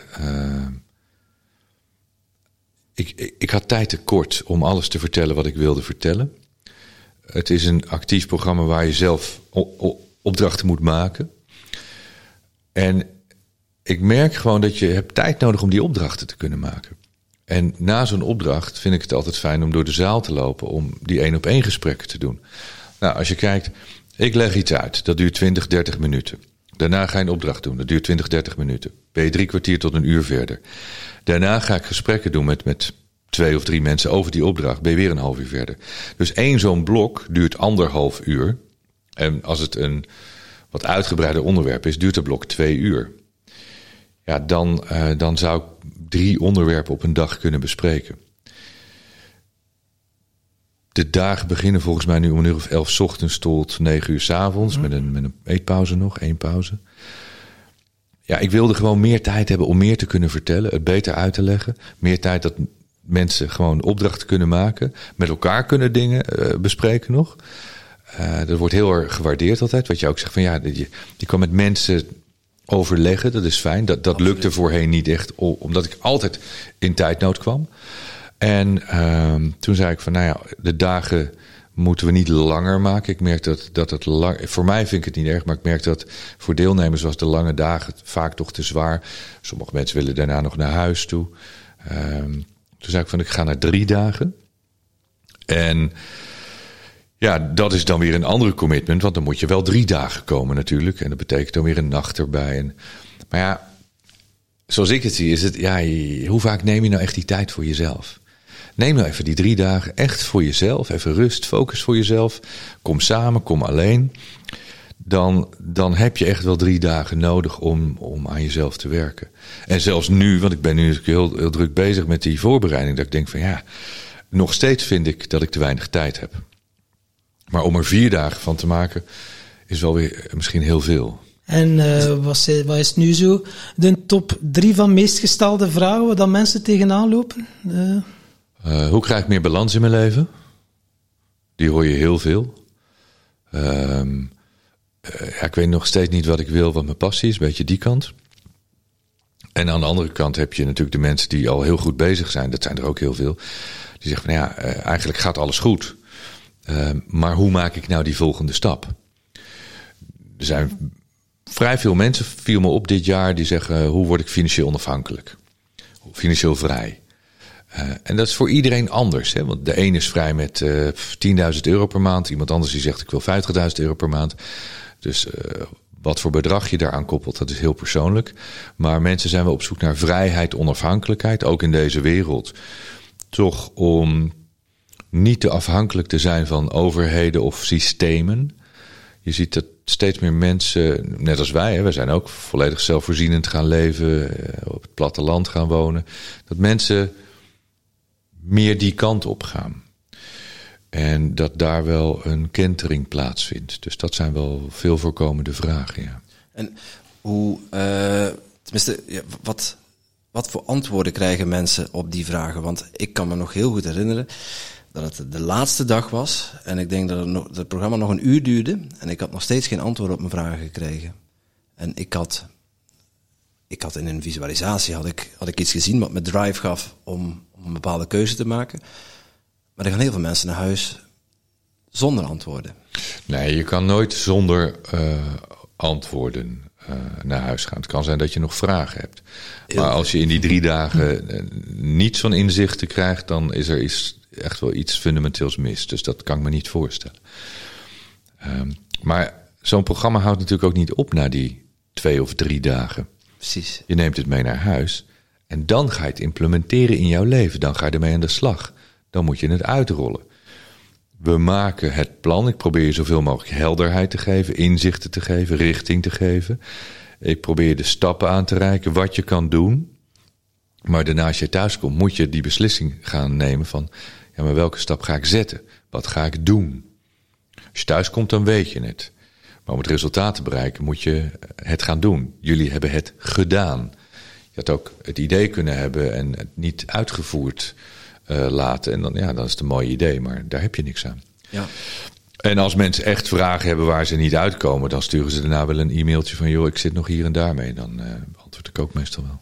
Je zei net van: ik heb het, ik heb het druk. Uh, ik, misschien heb je ook soms het gevoel dat je niet, uh, niet voldoende tijd hebt. Ik denk dat dat een vraag is waar heel veel mensen mee rondlopen. Van ja, ik heb het zo druk, ik heb te weinig tijd. Wat zou je tegen die mensen zeggen? Minder doen. Simpel, hè? Punt. En uh, als je jou ziet, dus we kennen jou van oktober 2018, nu zijn we mei 2023. Welke inzichten heb jij zo opgedaan over die vijf jaar? Want je zal jezelf ook wel al goede vragen gesteld hebben op die vijf jaar. Daar zullen wij een hele serie podcasts over kunnen maken. Ik heb echt wel heel veel geleerd. Zeker zo, de afgelopen vijf jaar heb ik heel veel uh, geleerd en heel veel inzichten gekregen. Nou, een van die inzichten is dat ik uh, eigenlijk alweer tien jaar heel uh, lang en hard werk. Dus hard als in veel en lang als in lange dagen maak. Terwijl daarvoor heb ik een aantal jaren niet gewerkt. De periode nadat ik mijn bedrijf had verkocht, heb ik gewoon niet gewerkt. Ben ik lekker in Barcelona gewonnen. Ben met mijn boot gaan zeilen. Mooie reizen gemaakt. Toen ben ik mijn eerste boek gaan schrijven. En daarna is eigenlijk weer werk op mijn pad gekomen. Terwijl dat niet de bedoeling was. Mijn intentie was om nooit meer te gaan werken. Ik wilde nooit meer werken. Ik wilde nooit meer een bedrijf. Ik wilde nooit meer klanten. Ik wilde gewoon lekker op mezelf, op mijn boot blijven wonen tot aan, aan mijn dood en boeken schrijven. Dat was hoe ik het op dat moment zag, een jaar of 12, 13 geleden. Nou, dat is anders gelopen. Het leven brengt je soms op een ander pad. Maar doordat ik wel heb gemerkt, zeker de laatste twee, drie jaar, ben ik wel heel veel gaan werken. En wat ik doe vind ik heel leuk. Dus het is niet zo dat ik daartegen opkijk, dat ik denk, oh, ik moet weer werken. Nee, werken maakt mij gelukkig. Werken maakt me gelukkig. Doordat wat ik doe, dat ook nog eens geld oplevert, uh, verdien ik veel geld. En met het geld dat ik verdien, kan ik weer heel veel leuke dingen doen. Dan kan ik een mooi huis uh, betalen. We zijn nu een prachtig huis aan het verbouwen. Kan ik alle mensen betalen die voor ons werken. Medewerkers. Het zijn niet mensen die voor ons werken, maar met ons werken. Dus ja, ik ben heel blij en gelukkig. Maar ik heb geld genoeg, maar ook tijd te weinig. En die tijd is niet te koop. Dus de beslissing die ik voor mezelf heb gemaakt is dat ik zei: de komende zes tot negen maanden neem ik weer vrij. Minder doen. Ik moet minder doen. Ja, want dat is, als je terugbrengt naar de kern, en daarom wist ik het antwoord heel makkelijk: ja, minder doen. En je kunt er over in discussie gaan met me en alles, maar dit is het enige antwoord. Als jij vindt dat je tijd te weinig hebt, minder doen. Iedereen heeft 24 uur. Zolang de mensheid bestaat, bestaat een dag uit 24 uur. Dat hebben we bepaald. De mensheid heeft tijd bedacht. Ja, eh, binnen die tijd moet jij het doen. Als je het idee hebt, eh, als je de ervaring hebt dat je te weinig tijd hebt, je hebt niet te weinig tijd. Iedereen heeft net zoveel tijd. Je wilt waarschijnlijk te veel doen in die tijd. Of, of je tijd verdoen. Dat is het vaak. Je verdoet je tijd omdat je niet zinvol met je tijd weet om te gaan. Het enige wat je moet doen is beslissen wat je doet met de tijd die is gegeven. Maar als jij heel veel tijd verdoet met allerlei onzinnige zaken die jou niet opleveren wat je eigenlijk wilt, eh, kwaliteit van leven, meer plezier, meer succes, whatever, dan moet je beter omgaan met je tijd. Dus het gaat om prioriteiten stellen. Nou, mijn prioriteit op dit moment, of althans de afgelopen tijd toen ik hierover nadacht, was. Ik moet meer tijd voor mezelf realiseren. Dus ik heb ruim een jaar geleden de beslissing genomen dat ik nu, na Maximum Potential, tot het einde van het jaar en misschien iets langer nog, die periode weer vrij neem voor mezelf. Ik kan het niet overnight beslissen. We hebben events die zijn gepland. Ik heb allerlei programma's in mijn agenda staan. Waardoor ik een jaar van tevoren dat al had bepaald. Dat leek heel ver weg en nu ineens is het dichtbij. Ineens, nu ben ik straks ineens soort van vrij. En ik had echt gezegd en met heel mijn team afgesproken, met Cindy afgesproken, van ik ga ook echt zes maanden niets doen. Ik wil, ik wil boeken lezen, ik wil studeren, ik wil programma's volgen. Ik heb nog talloze programma's liggen die ik zelf wil, wil volgen. En ik wil een nieuw boek schrijven, dus, eh, maar dat zie ik ook niet als werk. Dat vind ik leuk. Dan kan ik met mijn laptop in de tuin zitten bij ons. Ja, dat, dat geeft rust. Ik, ik vind het heel leuk om te doen. Werk is voor mij um, met andere mensen afspraken maken die moet nakomen. Ik moet vanavond in een theater staan. Uh, de hele week staan we in het theater. Dat moet voorbereid worden. Uh, we hebben drie bedrijven. Dan, dan ben je continu met mensen in gesprek en aan het managen social media, weet je, al die dingen die erbij horen. Ik wil niks. Ik wil gewoon s ochtends opstaan en denken, nou, dit is wat ik vandaag ga doen. En als ik nergens zin in heb, dan doe ik niks. En die vrijheid kun je pas hebben als je die beslissing neemt dat je niks doet. Want dan kun je de beslissing ook nemen dat je wel wat gaat doen. Andersom niet. Als je al die verplichtingen hebt, kan je niet ineens zeggen: ik doe het niet. Dus ik had die beslissing genomen voor mezelf om, uh, om die tijd vrij te nemen. Maar ja, wat jullie dan ook hebben. Ik zat uh, laatst in de VIP-lounge met uh, Cindy uh, op Schiphol. Ik heb nog nooit met Cindy in de Schiphol in de VIP-lounge gezeten. nee, nee, nee, ik wel. Nee. Maar jullie waren onderweg met z'n tweetjes in de auto. Daarmee ik dacht er ineens, van jullie waren drie kwartier onderweg. Ik denk dat wij ook iets van een kwartier of drie kwartier daar zaten. En eigenlijk, waarom ik ook die tijd voor mezelf wilde, is wat ga ik doen met de rest van mijn leven? Ik ben nu tien jaar hiermee bezig. We staan nu hier. En dat is echt dat momentum dat je tijd moet nemen van... oké, maar waar staan we nou eigenlijk echt? En waar willen we naartoe? Waar wil ik naartoe? Wil ik dit nog wel? Wil ik nog veel meer events gaan doen? Wil ik dit internationaal gaan doen? Willen we met, met Meditation Moments internationaal heel groot worden? Wil ik 100 uur per week werken? Of vind ik 20 uur ook wel goed? Dat zijn hele belangrijke vragen. En in plaats dat ik een half jaar nodig had, uh, hebben wij dat ook in een half uur, drie kwartier bedacht. Nieuw plan gemaakt. Volledige strategie uitgezet voor uh, de komende jaren weer. Dus uh, eigenlijk kan ik gewoon doorwerken de komende maanden. Maar ik, ik wil gewoon rust hebben. Want je moet als mens af en toe die rust hebben. Om echt af en toe niets te doen. Gewoon echt te zijn. Ik, ik vind het heel fijn om, om af en toe gewoon een uur of een dag bij ons in de tuin te zitten of in de bergen te wandelen met de honden te spelen. Gewoon te genieten van het moment. Niet na te hoeven denken. Niet met social media, niet met nieuws, niet met andere mensen. Gewoon rust. En ik wil heel graag het boek voor de jongeren schrijven. En daarvan heb ik tegen mezelf gezegd: dat wil ik graag voor het einde van dit jaar af hebben. Dus juni, juli, augustus, september ben ik aan het schrijven. Uh, oktober om het te redigeren, af te maken, klaar te maken. En november, eind november, hoop ik het in de winkel te hebben. Maar dus ja, dat is voor jou niet werken is. Het is niet werken en het geeft me rust.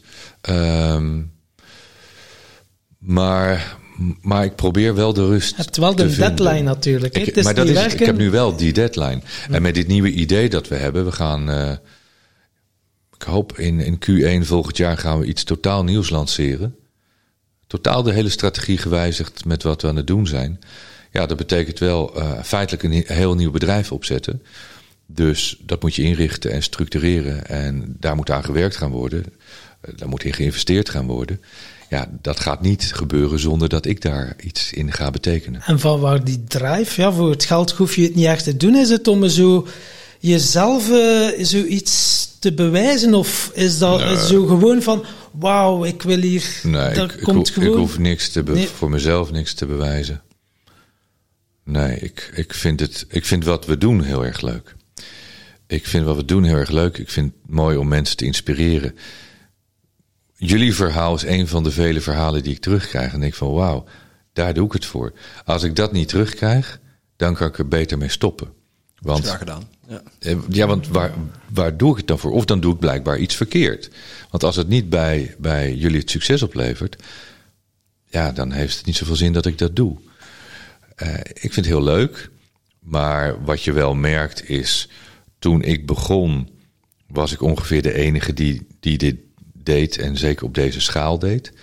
En inmiddels uh, doet iedereen iets met persoonlijke ontwikkeling. En de ene een beetje meer dit, de andere een beetje meer gezondheid, de andere doet een beetje meer brain, de andere doet een beetje meer uh, power. Dus er is ook heel veel meer keuze. Er zijn meer teachers. Dat betekent dat jij als, als gebruiker, als consument natuurlijk veel meer keuze hebt waar je een programma gaat volgen. Dus wij, wij zijn ook wel aan het kijken van oké, wat is nou zinvol? Op welke manier willen wij onze programma's vormgeven? Ik wil dat duurzaam maken. En ik ben ervan overtuigd dat het onderwijssysteem heel erg iets nodig heeft om. om ja, het, het, het onderwijssysteem zoals het is, mist iets. Iets fundamenteels. Ik denk dat ik daar een hele belangrijke bijdrage in kan leveren. Dus ik ben iets aan het ontwikkelen wat aanvullend aan het onderwijssysteem in mijn optiek gaat werken. Wat ik altijd zeg, alles wat je op school niet leerde.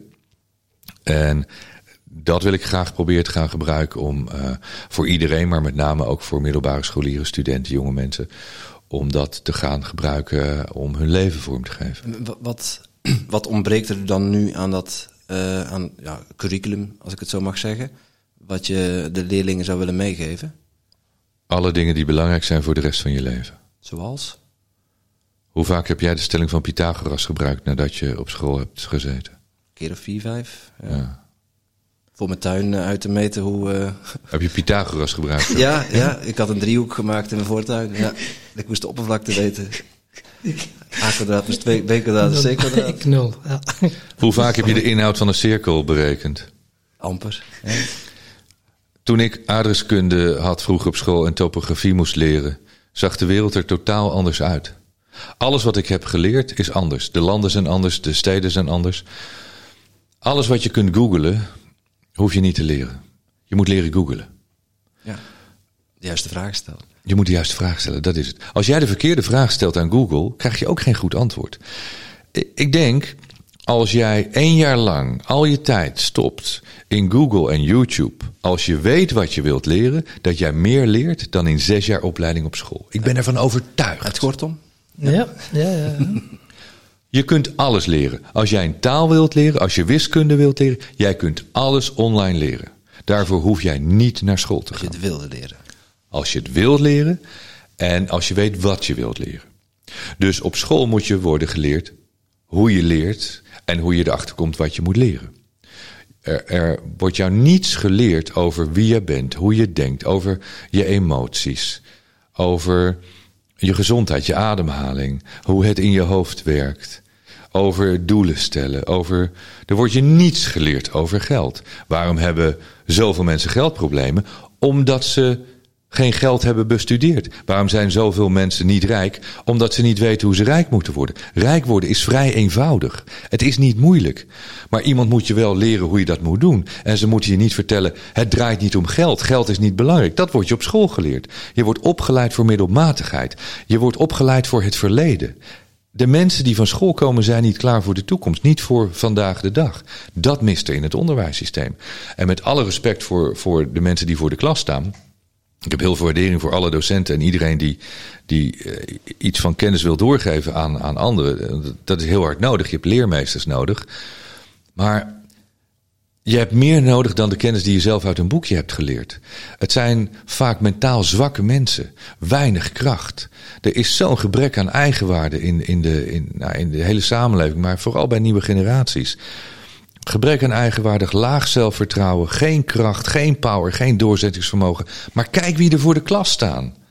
Inspirerend, hè? Het zijn geen commandotrainers. En als je bij mij komt, je weet het, ik trap je in alle hoeken. Ja, genadeloos. Ja. Maar ik maak een succes van je. Want dat is mijn missie. Ik wil mensen niet opleiden voor middelmatigheid. Dus wat ik doe is ook niet voor iedereen. Ik leer mensen hoe je succesvol wordt in je leven. Als je rijk wil worden, leer ik je hoe je geld kan verdienen. Als je daar een probleem mee hebt, als je liever in je burn-out blijft zitten, kruipend, angstig door het leven wil kruipen, moet je niet bij mij zijn. En dat is waar heel veel mensen helaas voor kiezen.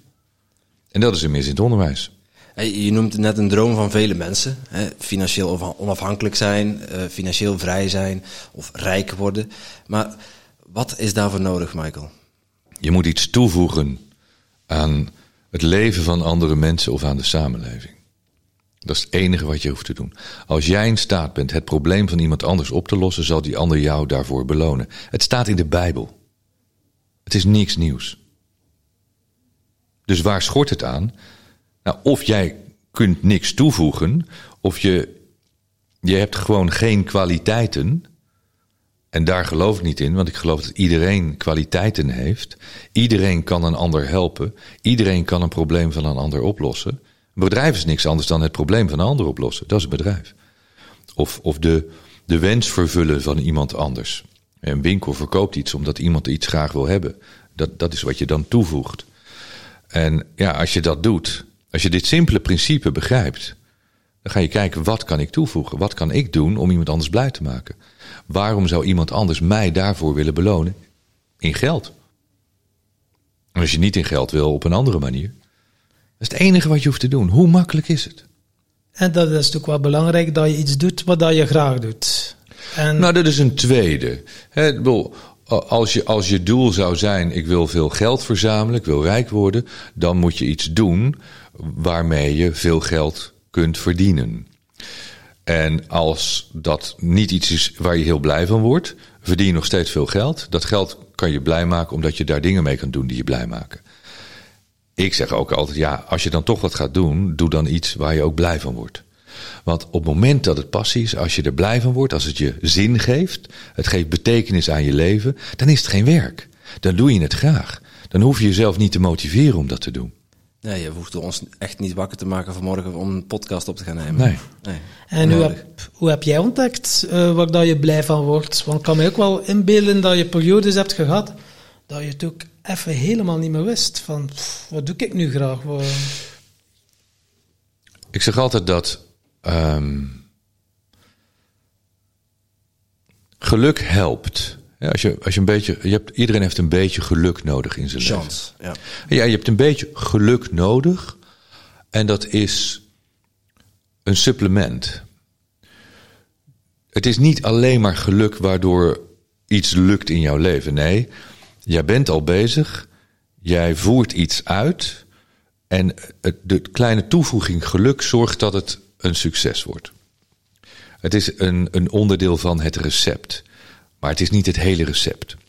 Dus als je alleen maar afgaat op geluk of wacht totdat het geluk jouw kant op komt, dat is niet de juiste manier. Jij moet zelf de basis leggen, het fundament. En met een beetje geluk zul je merken dat de groei versnelt of dat het een groter succes wordt.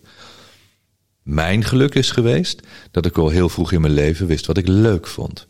Ik luisterde naar de radio en toen dacht ik: dit is wat ik wil. Radio was magic voor mij. En dat werd passie, dat werd een obsessie. Ik wilde niets anders dan bij de radio werken. Daarvoor, toen ik heel jong was, zes, zeven of acht jaar. Ik had een oom die uh, een groot bedrijf had, uh, heel rijk was.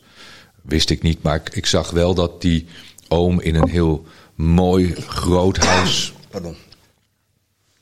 Ik wist wel dat die oom in een heel groot mooi huis woonde. Dat zag ik wel met hele mooie kroonluchters. En hij had een prachtig kantoor.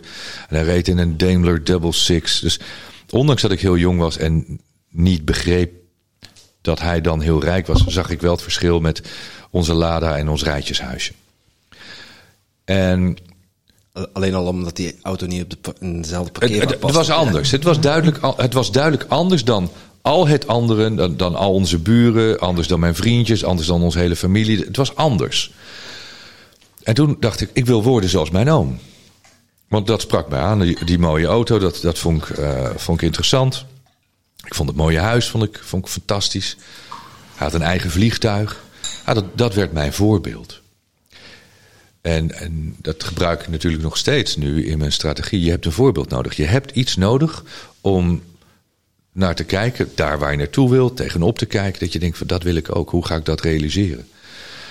En ja, dat was, dat was mijn geluk in het leven, dat ik wist dat ik, uh, achteraf gezien zeg ik, ik heb op mijn zevende besloten dat ik miljonair wilde worden, ondanks dat ik niet wist wat dat was. Heb ik wel de beslissing genomen om mijn leven die kant op te sturen. De passie ontstond door de radio. En je, je zegt heel terecht, er zijn ook momenten geweest dat ik het niet meer wist. Het eerste moment was toen ik wegging bij 538. Ik, ik draaide de eerste plaat bij 538. Ik was betrokken bij de hele oprichting. En na al die jaren elke dag radio gemaakt te hebben, elke dag vier uur lang, soms zes uur lang.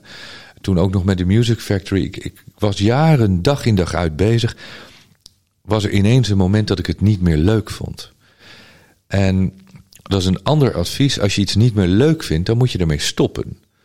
Je moet niet doorgaan met dingen die je niet leuk vindt. Die moet je vervangen door dingen die je wel leuk vindt. Als je werk niet leuk is, dan ga je werk zoeken wat je, wat je wel leuk vindt, waar je, wel je, waar je voldoening uit haalt. Als je relatie niet leuk is, dan probeer je die relatie te repareren. Lukt dat niet, stop met die relatie. Ga dan niet die jaar bij de levens verkloten. Geef elkaar de vrijheid Zoek, zoek iets nieuws. Hè. Ga op zoek naar nieuwe passie, naar nieuwe invulling van je leven. En ik stopte bij 538 zonder dat ik wist wat ik ging doen. En um, daarna kwam er niet een passie, maar een noodzaak. Want er is verlangen of, of noodzaak nodig in je leven om een zinvolle invulling aan je leven te geven. En dat was het moment dat ik het geld wat ik had verdiend. Ik was altijd heel zuinig. Ik gaf nooit veel geld uit. Ik kreeg niet de gekke auto's. Maar het geld dat ik had verdiend stond op de bank. En toen zei de bank: uh, waarom gaat u dat geld niet beleggen? Laat, laat u dat geld door ons beleggen. Dan, uh, ja, dan komt het geld vanzelf binnen. Een beetje een heel mooi verhaal. Nou, ik had er echt totaal geen verstand van. Uh, maar wel een aantal mensen in mijn omgeving die zeiden: beleggen in aandelen, dat saai. Je moet in opties gaan. Dan gaat het veel sneller. Ja, dan verdien je echt in een paar jaar tientallen miljoenen. Nou, dat klonk interessant. En daar zie je dus dat hebzucht en hebberigheid ook een uh, prijs heeft, een groot risico. Want binnen vier maanden was ik en al mijn eigen geld kwijt en het geld wat de bank mij toen geleend had. Toen had ik een schuld van, uiteindelijk heb ik het laatst eens bekeken, het was meer dan uh, 2 miljoen, het was, het was bijna 2,5 miljoen zelfs. Het waren guldens. Dat is voor de euro. Oh, het waren maar gulden. Dat, je kunt het bijna halveren. Maar nog steeds, het was, het was veel. Hè. Dat- dat- mijn leven voelde uitzichtloos. En toen zat ik wel in een in dipje. En de strop rond je nek van de bank. Ja, ik was echt geketend aan de bank. En dat was echt het moment dat ik serieus overwoog om, om daar een einde aan te maken. Want ik had geen zin om. Ik vond het zinloos om de rest van mijn leven te gaan werken voor de bank om, om de schuld aan de bank af te lossen. Dus te werken voor de bank. En, en daar zou een dag komen dat mijn leven voorbij was en de schuld nog steeds niet. Nou, dan ben je slaaf van de bank. Daar had ik geen zin in. Dus Ja, toen- en je, toen- en je, en je, je zeggen je kinderen ook nog. ja, iedereen. Ja. Hè, bedoel, eh, familie, ja. toen dacht ik, ja, wat, wat is de beste optie? Een trein of een flatgebouw? En als je daar echt over aan het nadenken bent, dan gaat het serieus niet meer goed Dat met je. Dus toen zat ik wel diep. En dat was het moment dat ik wel begon te drinken en aan de oxazapan zat en, en niet meer zag zitten. Dus dat was wel een, een dieptepunt in mijn leven. Eh, Wij, wij kennen jouw verhaal natuurlijk, dus we stellen daar ook niet uitgebreide vragen over. Wat we anders wel zouden doen aan onze gasten. Ah, je mag vragen wat je wilt natuurlijk. Ik, Ja. ik vind het wel leuk om, om, om, om het onze luisteraars ook mee te geven, maar hoe ben je daar uitgeklommen? Hoe kom je van een miljoenenschuld af? Nou, dus niet door een baan te gaan zoeken en een paar duizend euro per maand te gaan verdienen. En de omstandigheden eh, lieten het niet toe dat ik weer bij de radio ging werken. Want, kijk, radio was in die tijd, ik weet niet hoe dat nu is, maar in die tijd toch een zeer besloten wereld waar een aantal mensen die daar de macht hadden ook wel echt de regels bepaalden. En er was gewoon heel keihard uitgevaardigd dat iedereen die überhaupt maar contact met mij had of met mij sprak, direct ontslag zou krijgen. Het maakt niet uit waar je werkt, bij ieder station. Er was een soort verbod voor mij om Hilversum in te komen. En t- tweemaal eh, is dat ook eh, uitgekomen, die, die, die waarschuwing. Twee mensen zijn daadwerkelijk hun baan kwijtgeraakt. Omdat ze erachter kwamen dat die mensen contact met mij hadden. En gewoon vonden van ja, wij zijn vrienden. Wij gaan ons niet de les laten lezen door deze heren. En die eh, zijn allebei ontslagen.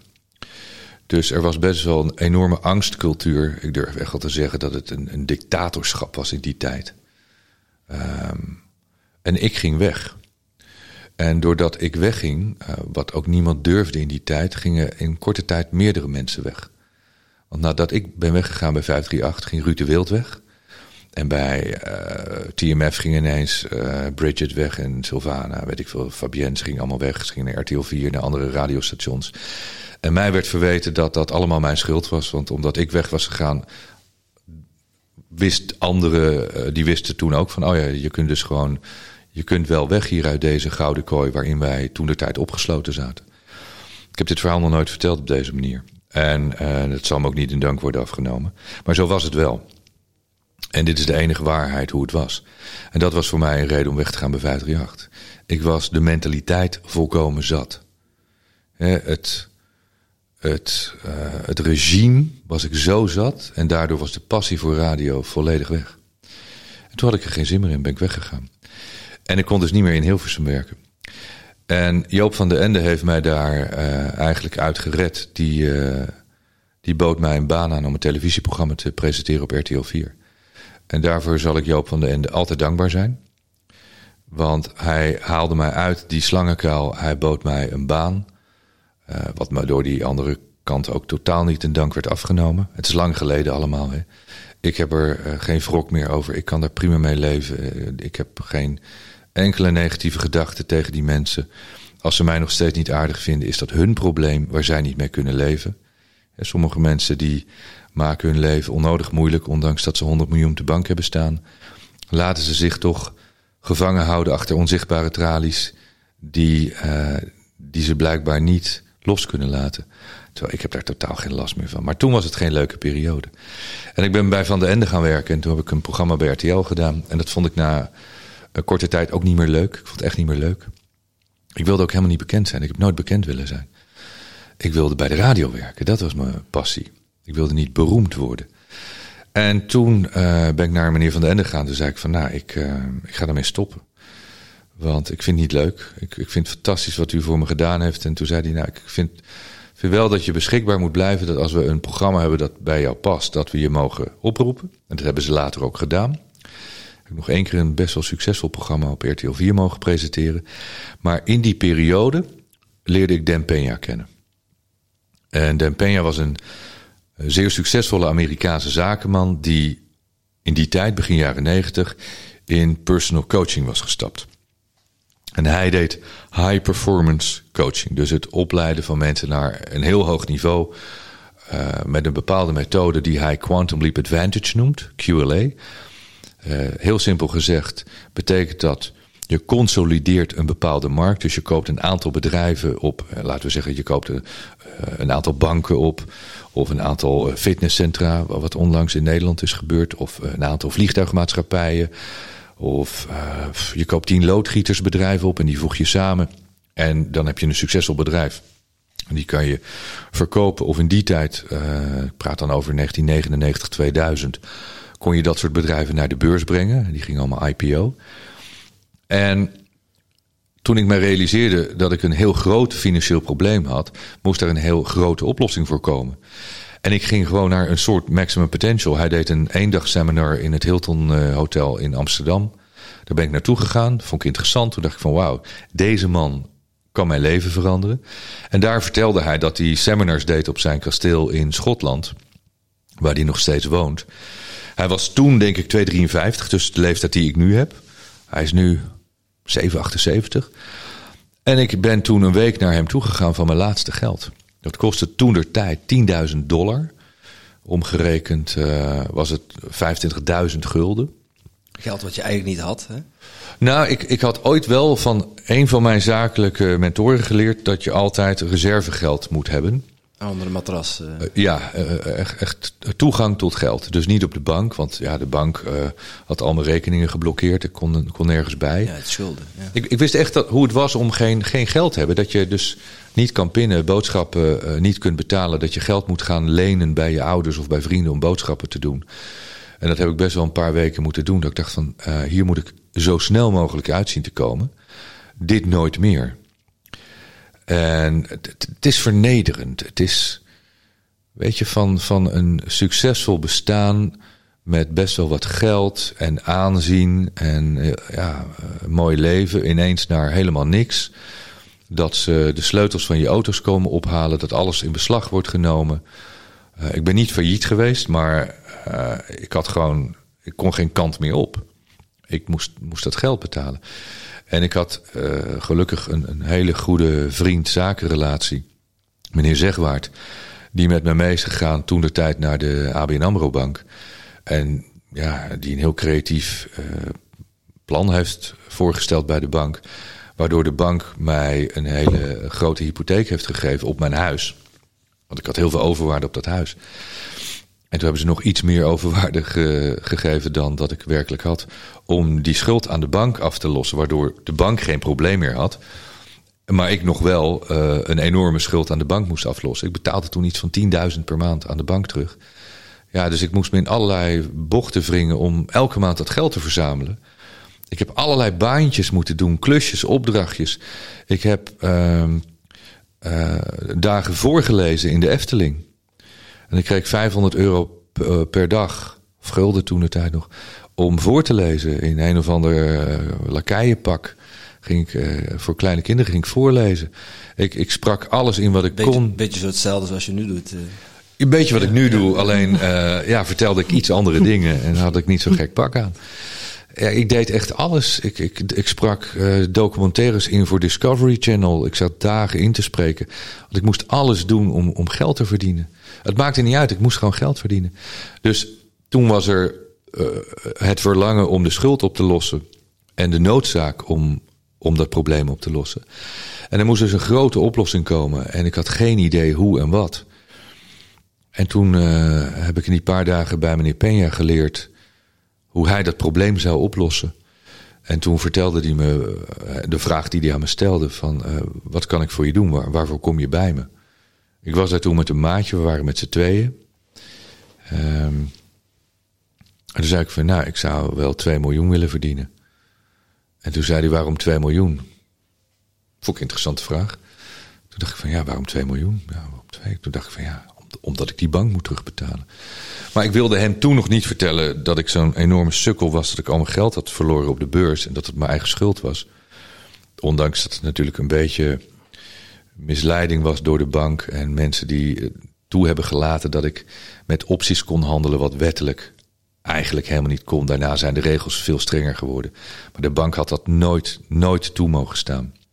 En toen de bank zag dat ze heel erg fout zaten... hebben ze gewoon de stekker eruit getrokken ja, uiteindelijk was het natuurlijk toch mijn probleem, want ik had die beslissingen genomen. En toen zei, uh, zei ik tegen Penja van, uh, ja, ik weet eigenlijk niet. Toen zei hij, waarom niet 5 miljoen? Interessant. Ja, vond ik interessant. Ja, waarom niet 5 miljoen? En toen ontstond er een soort brainwash, dat ik dacht van, ja, uh, twee, ja, twee of vijf. Ja, nou ja, ik wist ook niet hoe ik twee kon gaan verdienen. Ik dacht, nou ja, laten we dan maar vijf doen. Waarom niet tien? toen dacht ik van ja, dat moet niet te gek worden natuurlijk. Ik kreeg het echt helemaal warm. Ik denk, ja, moet, moet eerst die twee uh, voor elkaar zien te krijgen. Geen idee, hoe ga je 2 miljoen verdienen? Ik had wel veel geld verdiend, maar ja, tien jaar radio, televisie, dag en nacht werken. Ik moest dit sneller doen, sneller en meer. En toen zei ik, nou ja, tien, ja, oké, okay, tien. En toen zei hij, ik heb een boek geschreven, dat heet Your, Your First 100 Million. Waarom niet 100 miljoen? Toen dacht ja, nou, nou moet het niet gekker worden. Hou op, man. Toen zei ik ook, zeg, ja, dit is zo out of my comfort zone. 10 was al ver buiten mijn comfortzone, maar, maar 100 was voor mij echt iets van... hoe kan ik ooit in mijn leven 100 miljoen gaan verdienen? A crazy old fool. Ja, ik, ik denk dat, dat, dat kan niet. Hè? Ik was 29, hij was 253. Ja, ik dacht echt, ouwe gek, dwaas. Nee, dit, uh, dit, dit, gaat te ver. Oké, zei hij, uh, dan gaan we voor 10. Oké, okay, um, ja, en wat is dan de eerste vraag die in je opkomt? Hoe, dan? of, ja, maar dat kan toch helemaal niet? En toen heeft hij mij in vier dagen uitgelegd dat dat wel kon. Dat dat wel kon. En na vier dagen geloofde ik daar niet eens alleen in. Ik was daarvan overtuigd. Zo overtuigd. Dat ik dat binnen uh, zeven jaar voor elkaar heb gekregen. Zeven jaar, hè? Ja. Niet zeven dagen, niet zeven weken, niet zeven maanden. Zeven, jaar. zeven jaar. Zeven lange, zware jaren. Keihard werken. Ik ben nog een keer gigantisch op mijn bek gegaan. Want ik kwam bij hem vandaan. En eigenlijk de enige industrie die ik kon consolideren. was de entertainmentindustrie. En wat ik net zei, ja, banken, eh, alle banken waren al eh, gefuseerd. Vliegtuigmaatschappijen, je denkt ineens groot. Uh, toen ben ik in verzekeringsmaatschappij gestapt. Dat, dat ging dat maatje van mij doen en daar heb ik een beetje aan meegedaan. En ik dacht, ja, het enige waar ik verstand van heb, waar ik mensen ken en mensen mij kennen, is de entertainmentindustrie. Beetje vervelend. Er was ook iemand die zei, als je met hem praat, dan hakken we je kop eraf.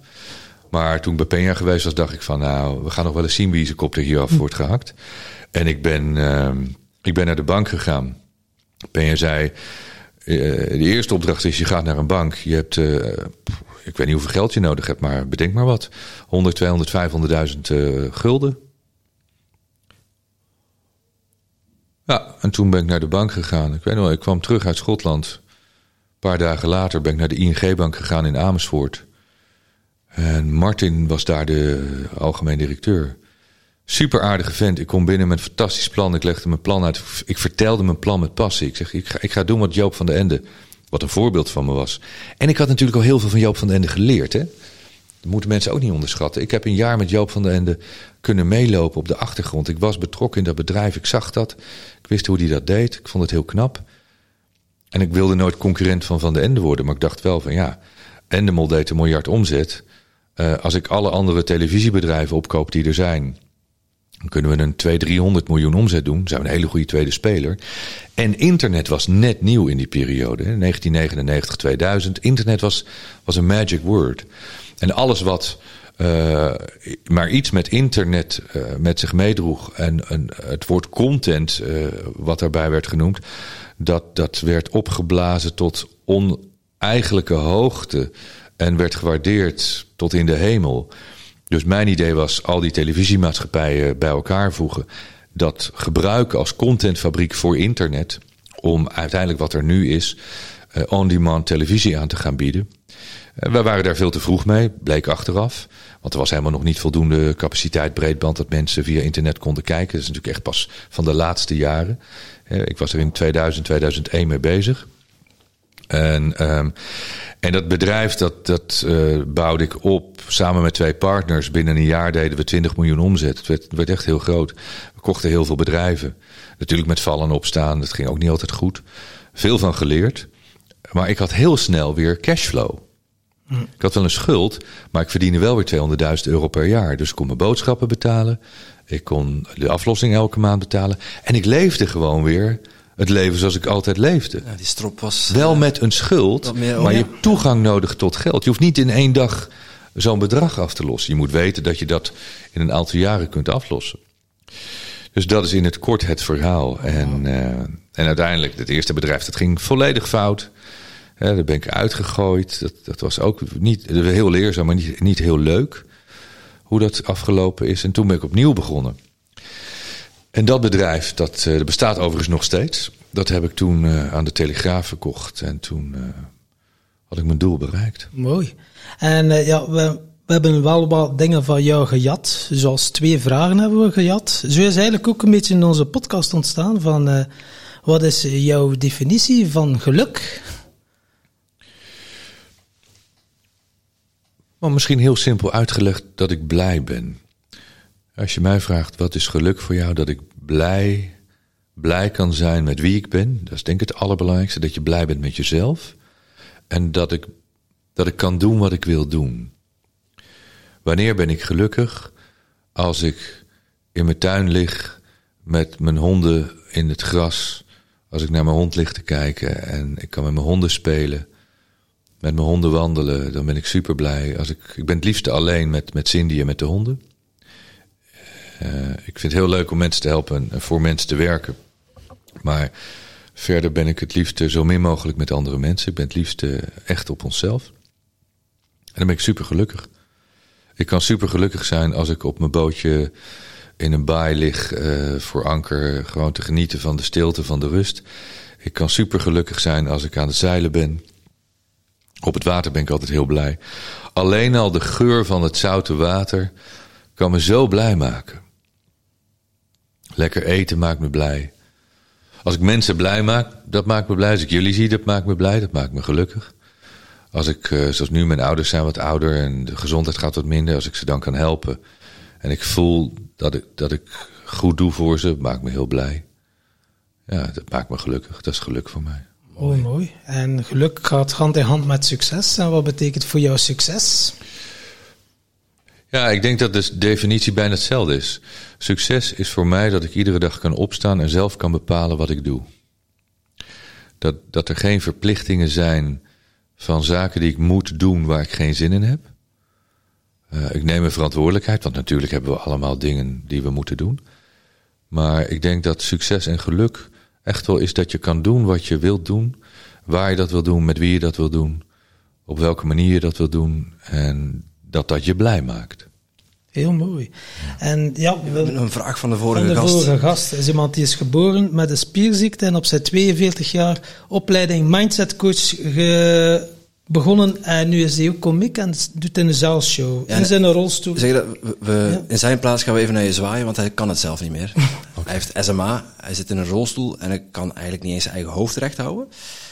Maar het was zo'n mooie warme kerel. Een heel fijn gesprek met hem. En hij had eigenlijk ook een hele mooie vraag voor jou. En hoe kwamen jullie met hem in contact? Via een vriendin van ons, Cindy. Ja, die zei, Paul Kuipers, die moet je een keer... Dat is een echt een inspirerende kerel. En uh, wauw, dat is echt wel uh, okay. de moeite. En hij vroeg hem af, als je alles rondom je eens wegdenkt, wegdenkt en als je s'avonds in de sofa zit, wat zou je dan willen?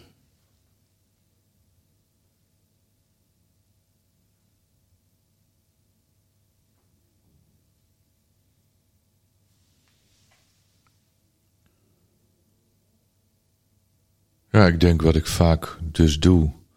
Dan zit ik op een bankje met Cindy en de honden bij de open haard in de winter.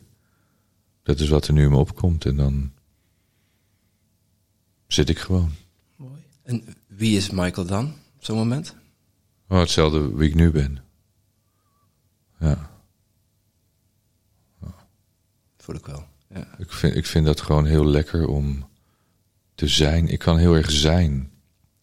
Wat, wat voor heel veel mensen uh, moeilijk is voor te stellen, is: ik kan zijn zonder gedachten. Dus ik kan, ik kan echt zijn. Ik ben nu ook eigenlijk. Ik, ben zonder gedachten en, en ik oordeel niet, ik vind niks. Ik, ik wacht tot dat jullie iets zeggen en daar uh, antwoord ik op. Maar verder is er niks. Er is een grote leegte. En als ik aan het werk ben of aan het schrijven ben, dan ben ik natuurlijk geconcentreerd. Dan zijn er gedachten, dan richt ik mijn aandacht ergens op. Maar ik kan heel erg uit zijn. Dus waar mensen soms zeggen van ik sta altijd aan, sta ik bijna altijd uit.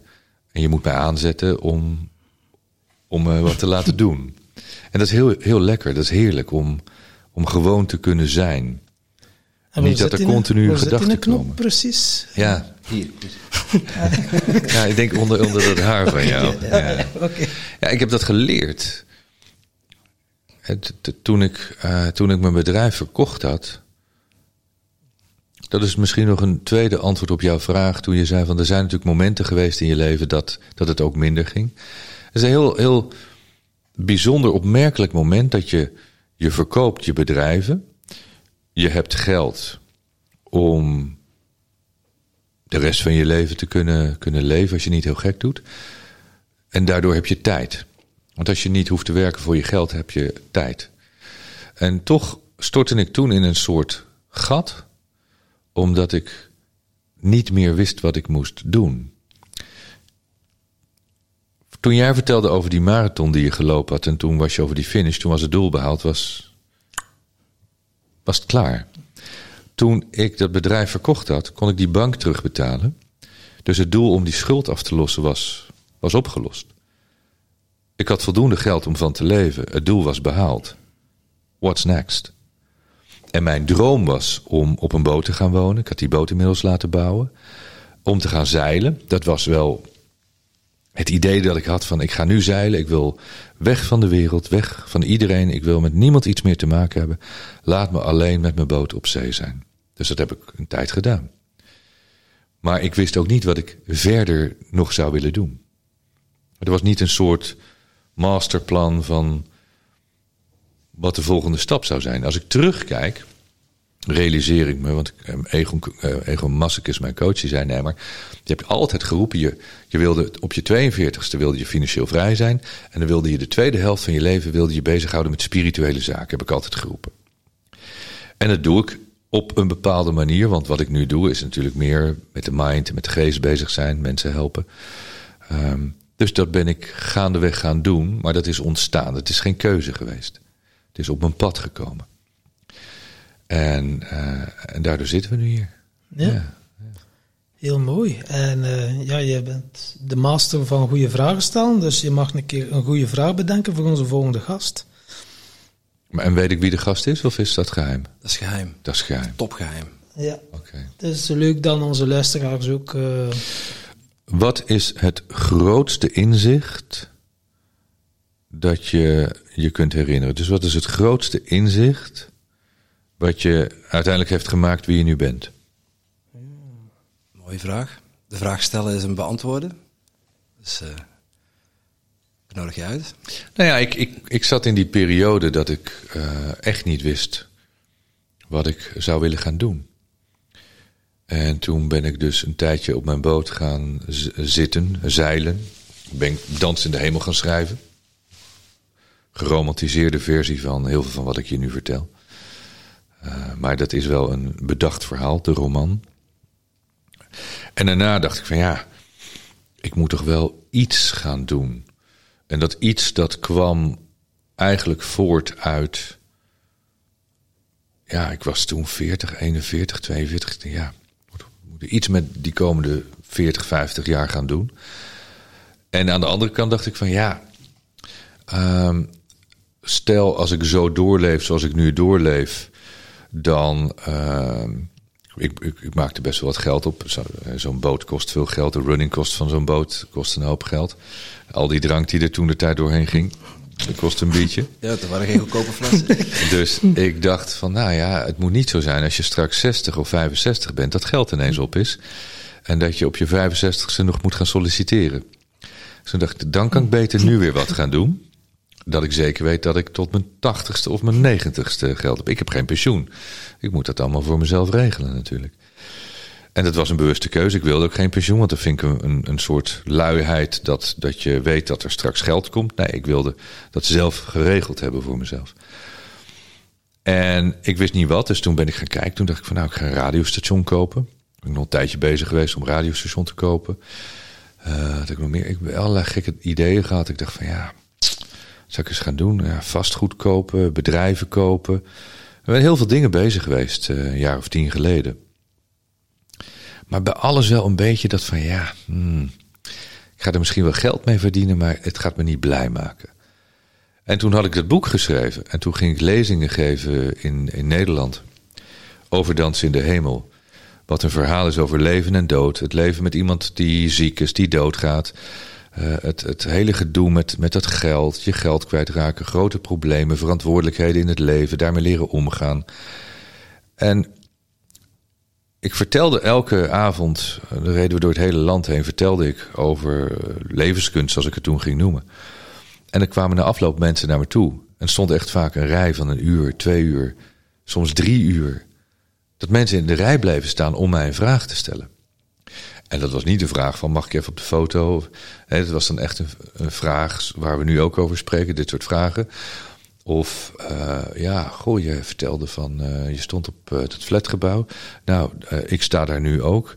Ik overweeg om een einde aan mijn leven te maken. Of mijn man is overleden, of mijn vrouw is ernstig ziek. Of nou ja, allemaal hele ingrijpende, grote levensvragen. Ik ben 25, ik heb vier jaar gestudeerd. Ik wist eigenlijk al lang dat ik er nooit wat, wat mee zou gaan doen. wat moet ik met de rest van mijn leven? Mensen van toen de tijd mijn leeftijd, begin half 40 ja, ik zit al twintig jaar in de relatie, ik ben doodongelukkig, wat moet ik toch? Mijn werk maakt me niet meer gelukkig, ik wil wat anders met mijn leven. En al die vragen die leidden mij in een bepaalde richting, dat ik dacht van, oh, er is een hele grote behoefte. Daar kan ik mensen mee helpen. En daaruit is Master Your Mindset voortgekomen. Dus toen ben ik dat boek gaan schrijven. En daar ben ik toen weer lezingen over gaan geven. Dat werden programma's. En dat werd uiteindelijk Maximum Potential. Mooi. En de podcast die en de podcast. als promo ook ja. erbij had gemaakt. Ja. Met heel veel gratis content ook. Ja, we zijn eigenlijk nooit met een podcast begonnen. Uh,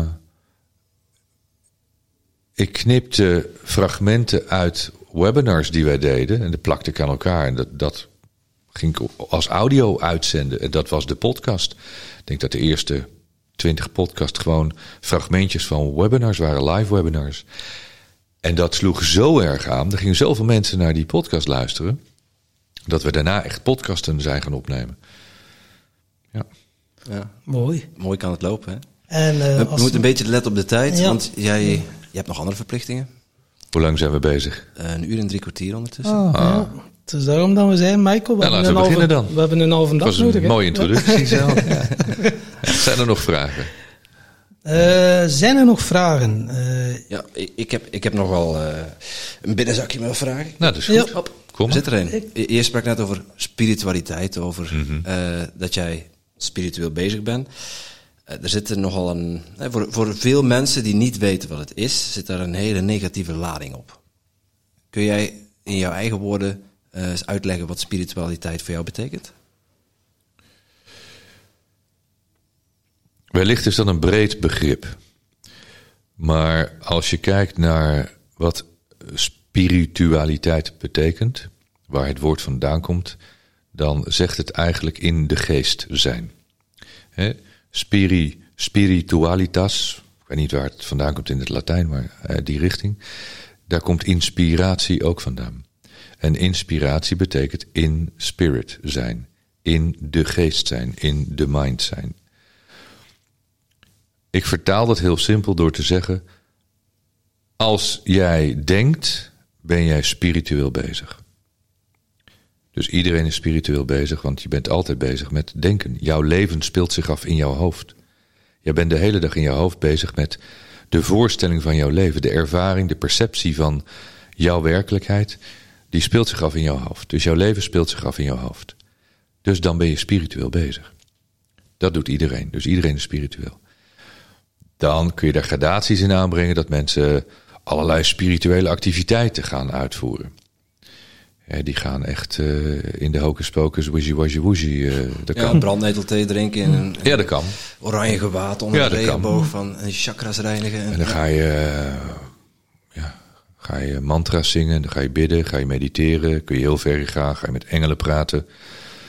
Ehm, ja, wat je wil. Hè. Je, je kunt de numerologie ingaan, je kunt waarzeggerij ingaan. Je kan allerlei kanten opgaan. En het is allemaal goed, hè, trouwens. Ik vind alles goed. Ik vind alles prima. Ik spreek ook met engelen. Of althans, ik luister naar ze. Ik stel vragen. Andere mensen geloven dat niet. Zeg ik, nou, dat maakt mij niet uit. Ja, als ik dat doe, ja, ik hoef jou er niet van te overtuigen. Het maakt mij niet uit of jij dat wel of niet gelooft. Maar stel nou dat er iets of iemand is die, die jou kan eh, guiden, eh, wat jullie doen, hè, de GPS, die je kunt leiden, die je vragen kunt stellen, die je helpt. zou je dat niet prettig vinden? Ja, maar ik geloof daar niet in. Ik zeg, nou, dan moet je het zelf uitzoeken. Ja, ik stel gewoon vragen en ik laat me leiden. Heel veel van wat ik doe, doe ik niet zelf. Jullie hebben het meegemaakt. Niet alles wat ik doe tijdens zo'n event, doe ik zelf. Ik kan niet alles weten. Ik weet heel veel dingen die ik onmogelijk kan weten. Dus als ik in de zaal loop, dan voel ik de energie en voel ik wat, wat jij wil weten, wat jouw vraag is, wat jouw probleem is. Ja, een beetje, beetje van boven, een beetje van mezelf helpt mij om het antwoord te vinden voor jou. Dus ja, ik, ik ben daar op die manier mee bezig. Ehm, wat is spiritualiteit? Eh, Het is een heel persoonlijke benadering van hoe je daar eh, een, een definitie aan wilt geven. Eh, Sommige mensen vinden het eng, sommige mensen vinden het sectarisch. Sommige mensen vinden mediteren ook eh, spiritueel, religieus. Dat ik denk van ja, een momentje voor jezelf. Dat moeten we allemaal doen. Dat is belangrijk. Dat je tijd neemt voor jezelf. Plak er niet het woord meditatie op. Voelt al veel, veel relaxter. Ja, je hebt het zo laagdrempeliger gemaakt. Een momentje voor jezelf, Ja. meditatie, met meditation moments. is ongelooflijk, ja. Ik al in een app waar dat eh, allemaal van mooie content erop Ja. vindt. Dat is, En eh, er zijn er natuurlijk mensen die heel spiritueel zijn, of de echte meditation teachers, die zeggen: Ja, maar wat jij doet, dat is niet echt mediteren. Ik zeg nee, alleen doordat ik het op mijn manier doe, doen een paar honderdduizend mensen nu wel iets wat ze daarvoor nooit deden. En wat jij ze hebt geleerd, daar krijg je geen tien mensen voor bij elkaar. Dus ja, het gaat niet om right or wrong. Het is meer dat ik mensen aanzet om iets te gaan doen, waardoor hun leven aangenamer wordt. En dat willen wij ook doen. En op ons festival hebben we een hoofdpodium en een hartpodium. Dus ja, wat mindset en wat hart. Maar Meditation Moments brengt die twee werelden ook bij elkaar. Dus zouden wij graag onze bezoekers bijvoorbeeld zo een cadeautje willen doen? Iets met Meditation Moments. Is er iets mogelijk? Dat bijvoorbeeld mensen een maand of Ja, twee... ja, een maand kun je ze dat Voor laten gratis proberen. toegang? Ja hoor. Dus dat we dat dan... eh, Moeten we een Tim-Tom code maken? Moet ik even kijken hoe dat zit technisch. ja, dat zou wel Ik, super eh, zijn om... het- eh, het is echt een, een bedrijf inmiddels. Waar ik natuurlijk wel heel veel eh, doe. Maar ik leid dat bedrijf niet meer. Dus hoe dat allemaal technisch werkt, geen idee. Maar ga ik voor jullie vragen. ah, Doen we met plezier. Dat zou super zijn. Ja. Het is nu jammer dat je er niet kan bij zijn in september, maar dan Ja. zetten we u op 2024 in september. Ja, eh, zetten we goeie. u graag op. heb je nog En, een jaar eh, sabbatical? Kun je Ja. Slim, slim. Dan zit je al eh Ja. met Willem Glaudemans, zal er ook bij zijn. Oh, wat leuk. Ja, ja, die komt ook 2024. Oh, dat is Daar een hebben we vorige fantastische week bij. spreker. Dat is een fantastische kerel. Dat Heerlijke is mannen. zo Vorige week hebben we erbij gezeten. Was zo, Ja, wauw. oh, te gek. Ja, Zo. heerlijk. Oké, En heb je ook een datum? 9 september. Oh, volgend jaar ook? Eh, nee, Nee, de, zou 8 september zijn. 8 8 september, september, denk ik. 2024. Nou, ik eh, voel een lichte verplichting aankomen. Ja, dat is toch een verplichting. Nee, nee. Zeg ik 1% groei, 99% fun. Moet vooral Heel goed. leuk zijn. Heel toch? goed. Nee, absoluut. Oké, dankjewel Michael. Eh, als mensen van jou iets willen vinden, ja, ik denk, eh, het is onmogelijk om niets te vinden van jou, maar eh, Nou, je vindt ook heel veel slechte dingen. Dus Ja, je, mag, je mag mijn klootzak vinden of, of het tof ja, nee, je mag Ja. alles vinden. Ik trek me er niks van aan, dat scheelt. Het maakt, me, het maakt me echt niet uit wat iemand van me vindt. Het enige wat online altijd wel jammer is, is dat vaak de negatieve dingen het eerste omhoog komen. Dat is heel apart. Als je gaat googlen, dan komen er allemaal dingen omhoog. Altijd interviews van dingen die je nooit gezegd hebt, die, die journalisten ervan hebben gemaakt. Dus altijd, daarom geef ik geen interviews meer aan kranten en televisie. Ze maken er altijd iets van wat het niet is. Zeker in de kranten. En eh, ik had laatst nog mijn laatste interview gedaan. Wat op zich een heel mooi eh, gesprek was. Het verhaal wat eruit kwam was al niet een hele juiste af- afspiegeling van dat gesprek. En dan vervolgens gaat een eindredacteur of iemand die dan de koppen maakt voor die krant die niet bij dat gesprek is geweest, gaat dan een kop maken om eyeballs te scoren, weet je, om, om Clickbait, ja. ja, clickbait. En eh, dan gaan ze er een kop bij zetten dat ik denk van, waarom? Want als jij mij vooraf had gezegd, dit wordt de kop, had ik nooit dit gesprek aangegaan. Hè, dan word je misbruikt, vind ik. Word je, in een, word je, je wordt negatief afgespiegeld. Er worden dingen niet, ver- niet eh, getoond die je wel hebt gezegd. En dingen die je niet hebt gezegd worden wel zo gezegd alsof je ze gezegd hebt. Dan wordt er een kop opgeplakt. Dan wordt het zo'n negatief verhaal. En dat komt dan in Google bovenaan. Dat is misschien ook een goede tip voor ons. eh knippen we plakken en een goede kop erop en dan komen we wel boven. Ja, maar de- Ja. zo kun je natuurlijk ieder verhaal kun je. Kijk, en met audio is dat moeilijker, met beeld ook. Maar op het moment dat het alleen tekst is en je schrijft het op, is het al anders. Dus ja, daarom doe ik eh, eh, eigenlijk geen tekstinterviews meer. Podcasts Maar- zijn altijd leuk. Maar als mensen meer van jou willen weten, je hebt een, eh, een website en eh, ja, de makkelijke spelbare naam, Michael Pilarczyk, tikken Ja. ze gewoon in. Ja, dat is, Dat is eh, niet moeilijk. is Dan kom je er easy, altijd. Of je doet Mr. Mindset, dan kom je er ook. Daar is die Mr. Mindset van gekomen. Omdat het commentaar was dat mensen zeiden... ja, je naam is zo moeilijk. Ik weet niet hoe ik hem moet schrijven. Ik zeg, nou ja, dan moet je dus beter opletten. Want dan weet je het wel. Ja, of googelen. Ja, en dan, Ja, dan weet je het. Eh, en het is vrij simpel. Het is het alfabet volgen. C, Z, Y, K. Eh, maar goed, je komt er altijd. En toen, toen kwam Mr. Mindset. Die, die- mijn vrienden zeiden, oh, Mr. Mindset weer. Toen ik hiermee begon, was het, oh, Mr. Mindset weer. En die, die hadden ook echt zoiets van, houd er toch mee op, joh. Hoe lang gaat dit duren? maar dat zeiden ze ook echt, hè. Zou je er ook niet beter mee stoppen? hoop dat het snel voorbij is. Ja, die zeiden ook, joh, dat heeft toch allemaal geen zin. Wie gaat nou naar jou luisteren? Toen ik dat boek ging schrijven, dat heeft toch helemaal geen zin. Denk je, denk je nou echt dat iemand een boek van jou... Er zijn er zoveel van dit soort boeken. Niemand gaat het boek lezen. Ja, ja Ze hebben kijk eens gelijk gehad. Ze hebben gelijk gehad. Ja. Dan willen wij u nog van harte bedanken. Nou, waanzinnig. Eh, super aardig. En- Mooi gesprek. Dankjewel, wij zien elkaar sowieso 1, 2 en 3 juni Jullie zijn in, eh in Den Bosch erbij. in Den Bosch. Ja, en Leuk. Mijn verjaardag. Op jouw verjaardag. ja.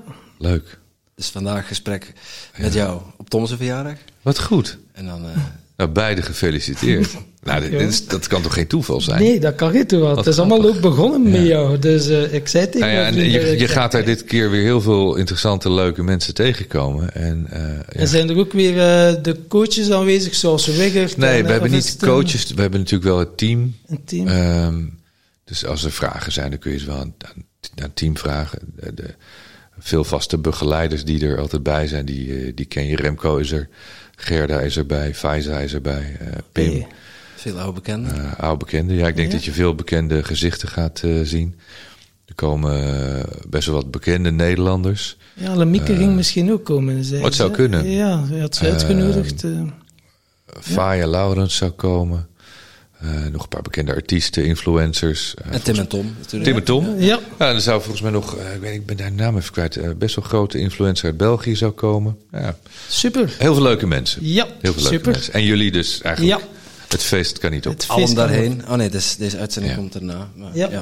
Ja. De volgende Is, editie. is het al geweest? Ja, worden. Ja. dankjewel. Dankjewel. Dankjewel. Dank jullie wel. En jij natuurlijk ook super bedankt om te luisteren naar deze podcast. Voel jij je geïnspireerd? Je zou ons een enorm plezier doen door ons 5 sterren te geven of een review achter te laten in jouw favoriete podcast-app. En wil je geen enkel inspiratiemoment missen? Abonneer je dan op onze podcast of volg ons op social media at Tim Tom Podcast. Oké, okay, dan moet je ook terug aan de Tom. Hè?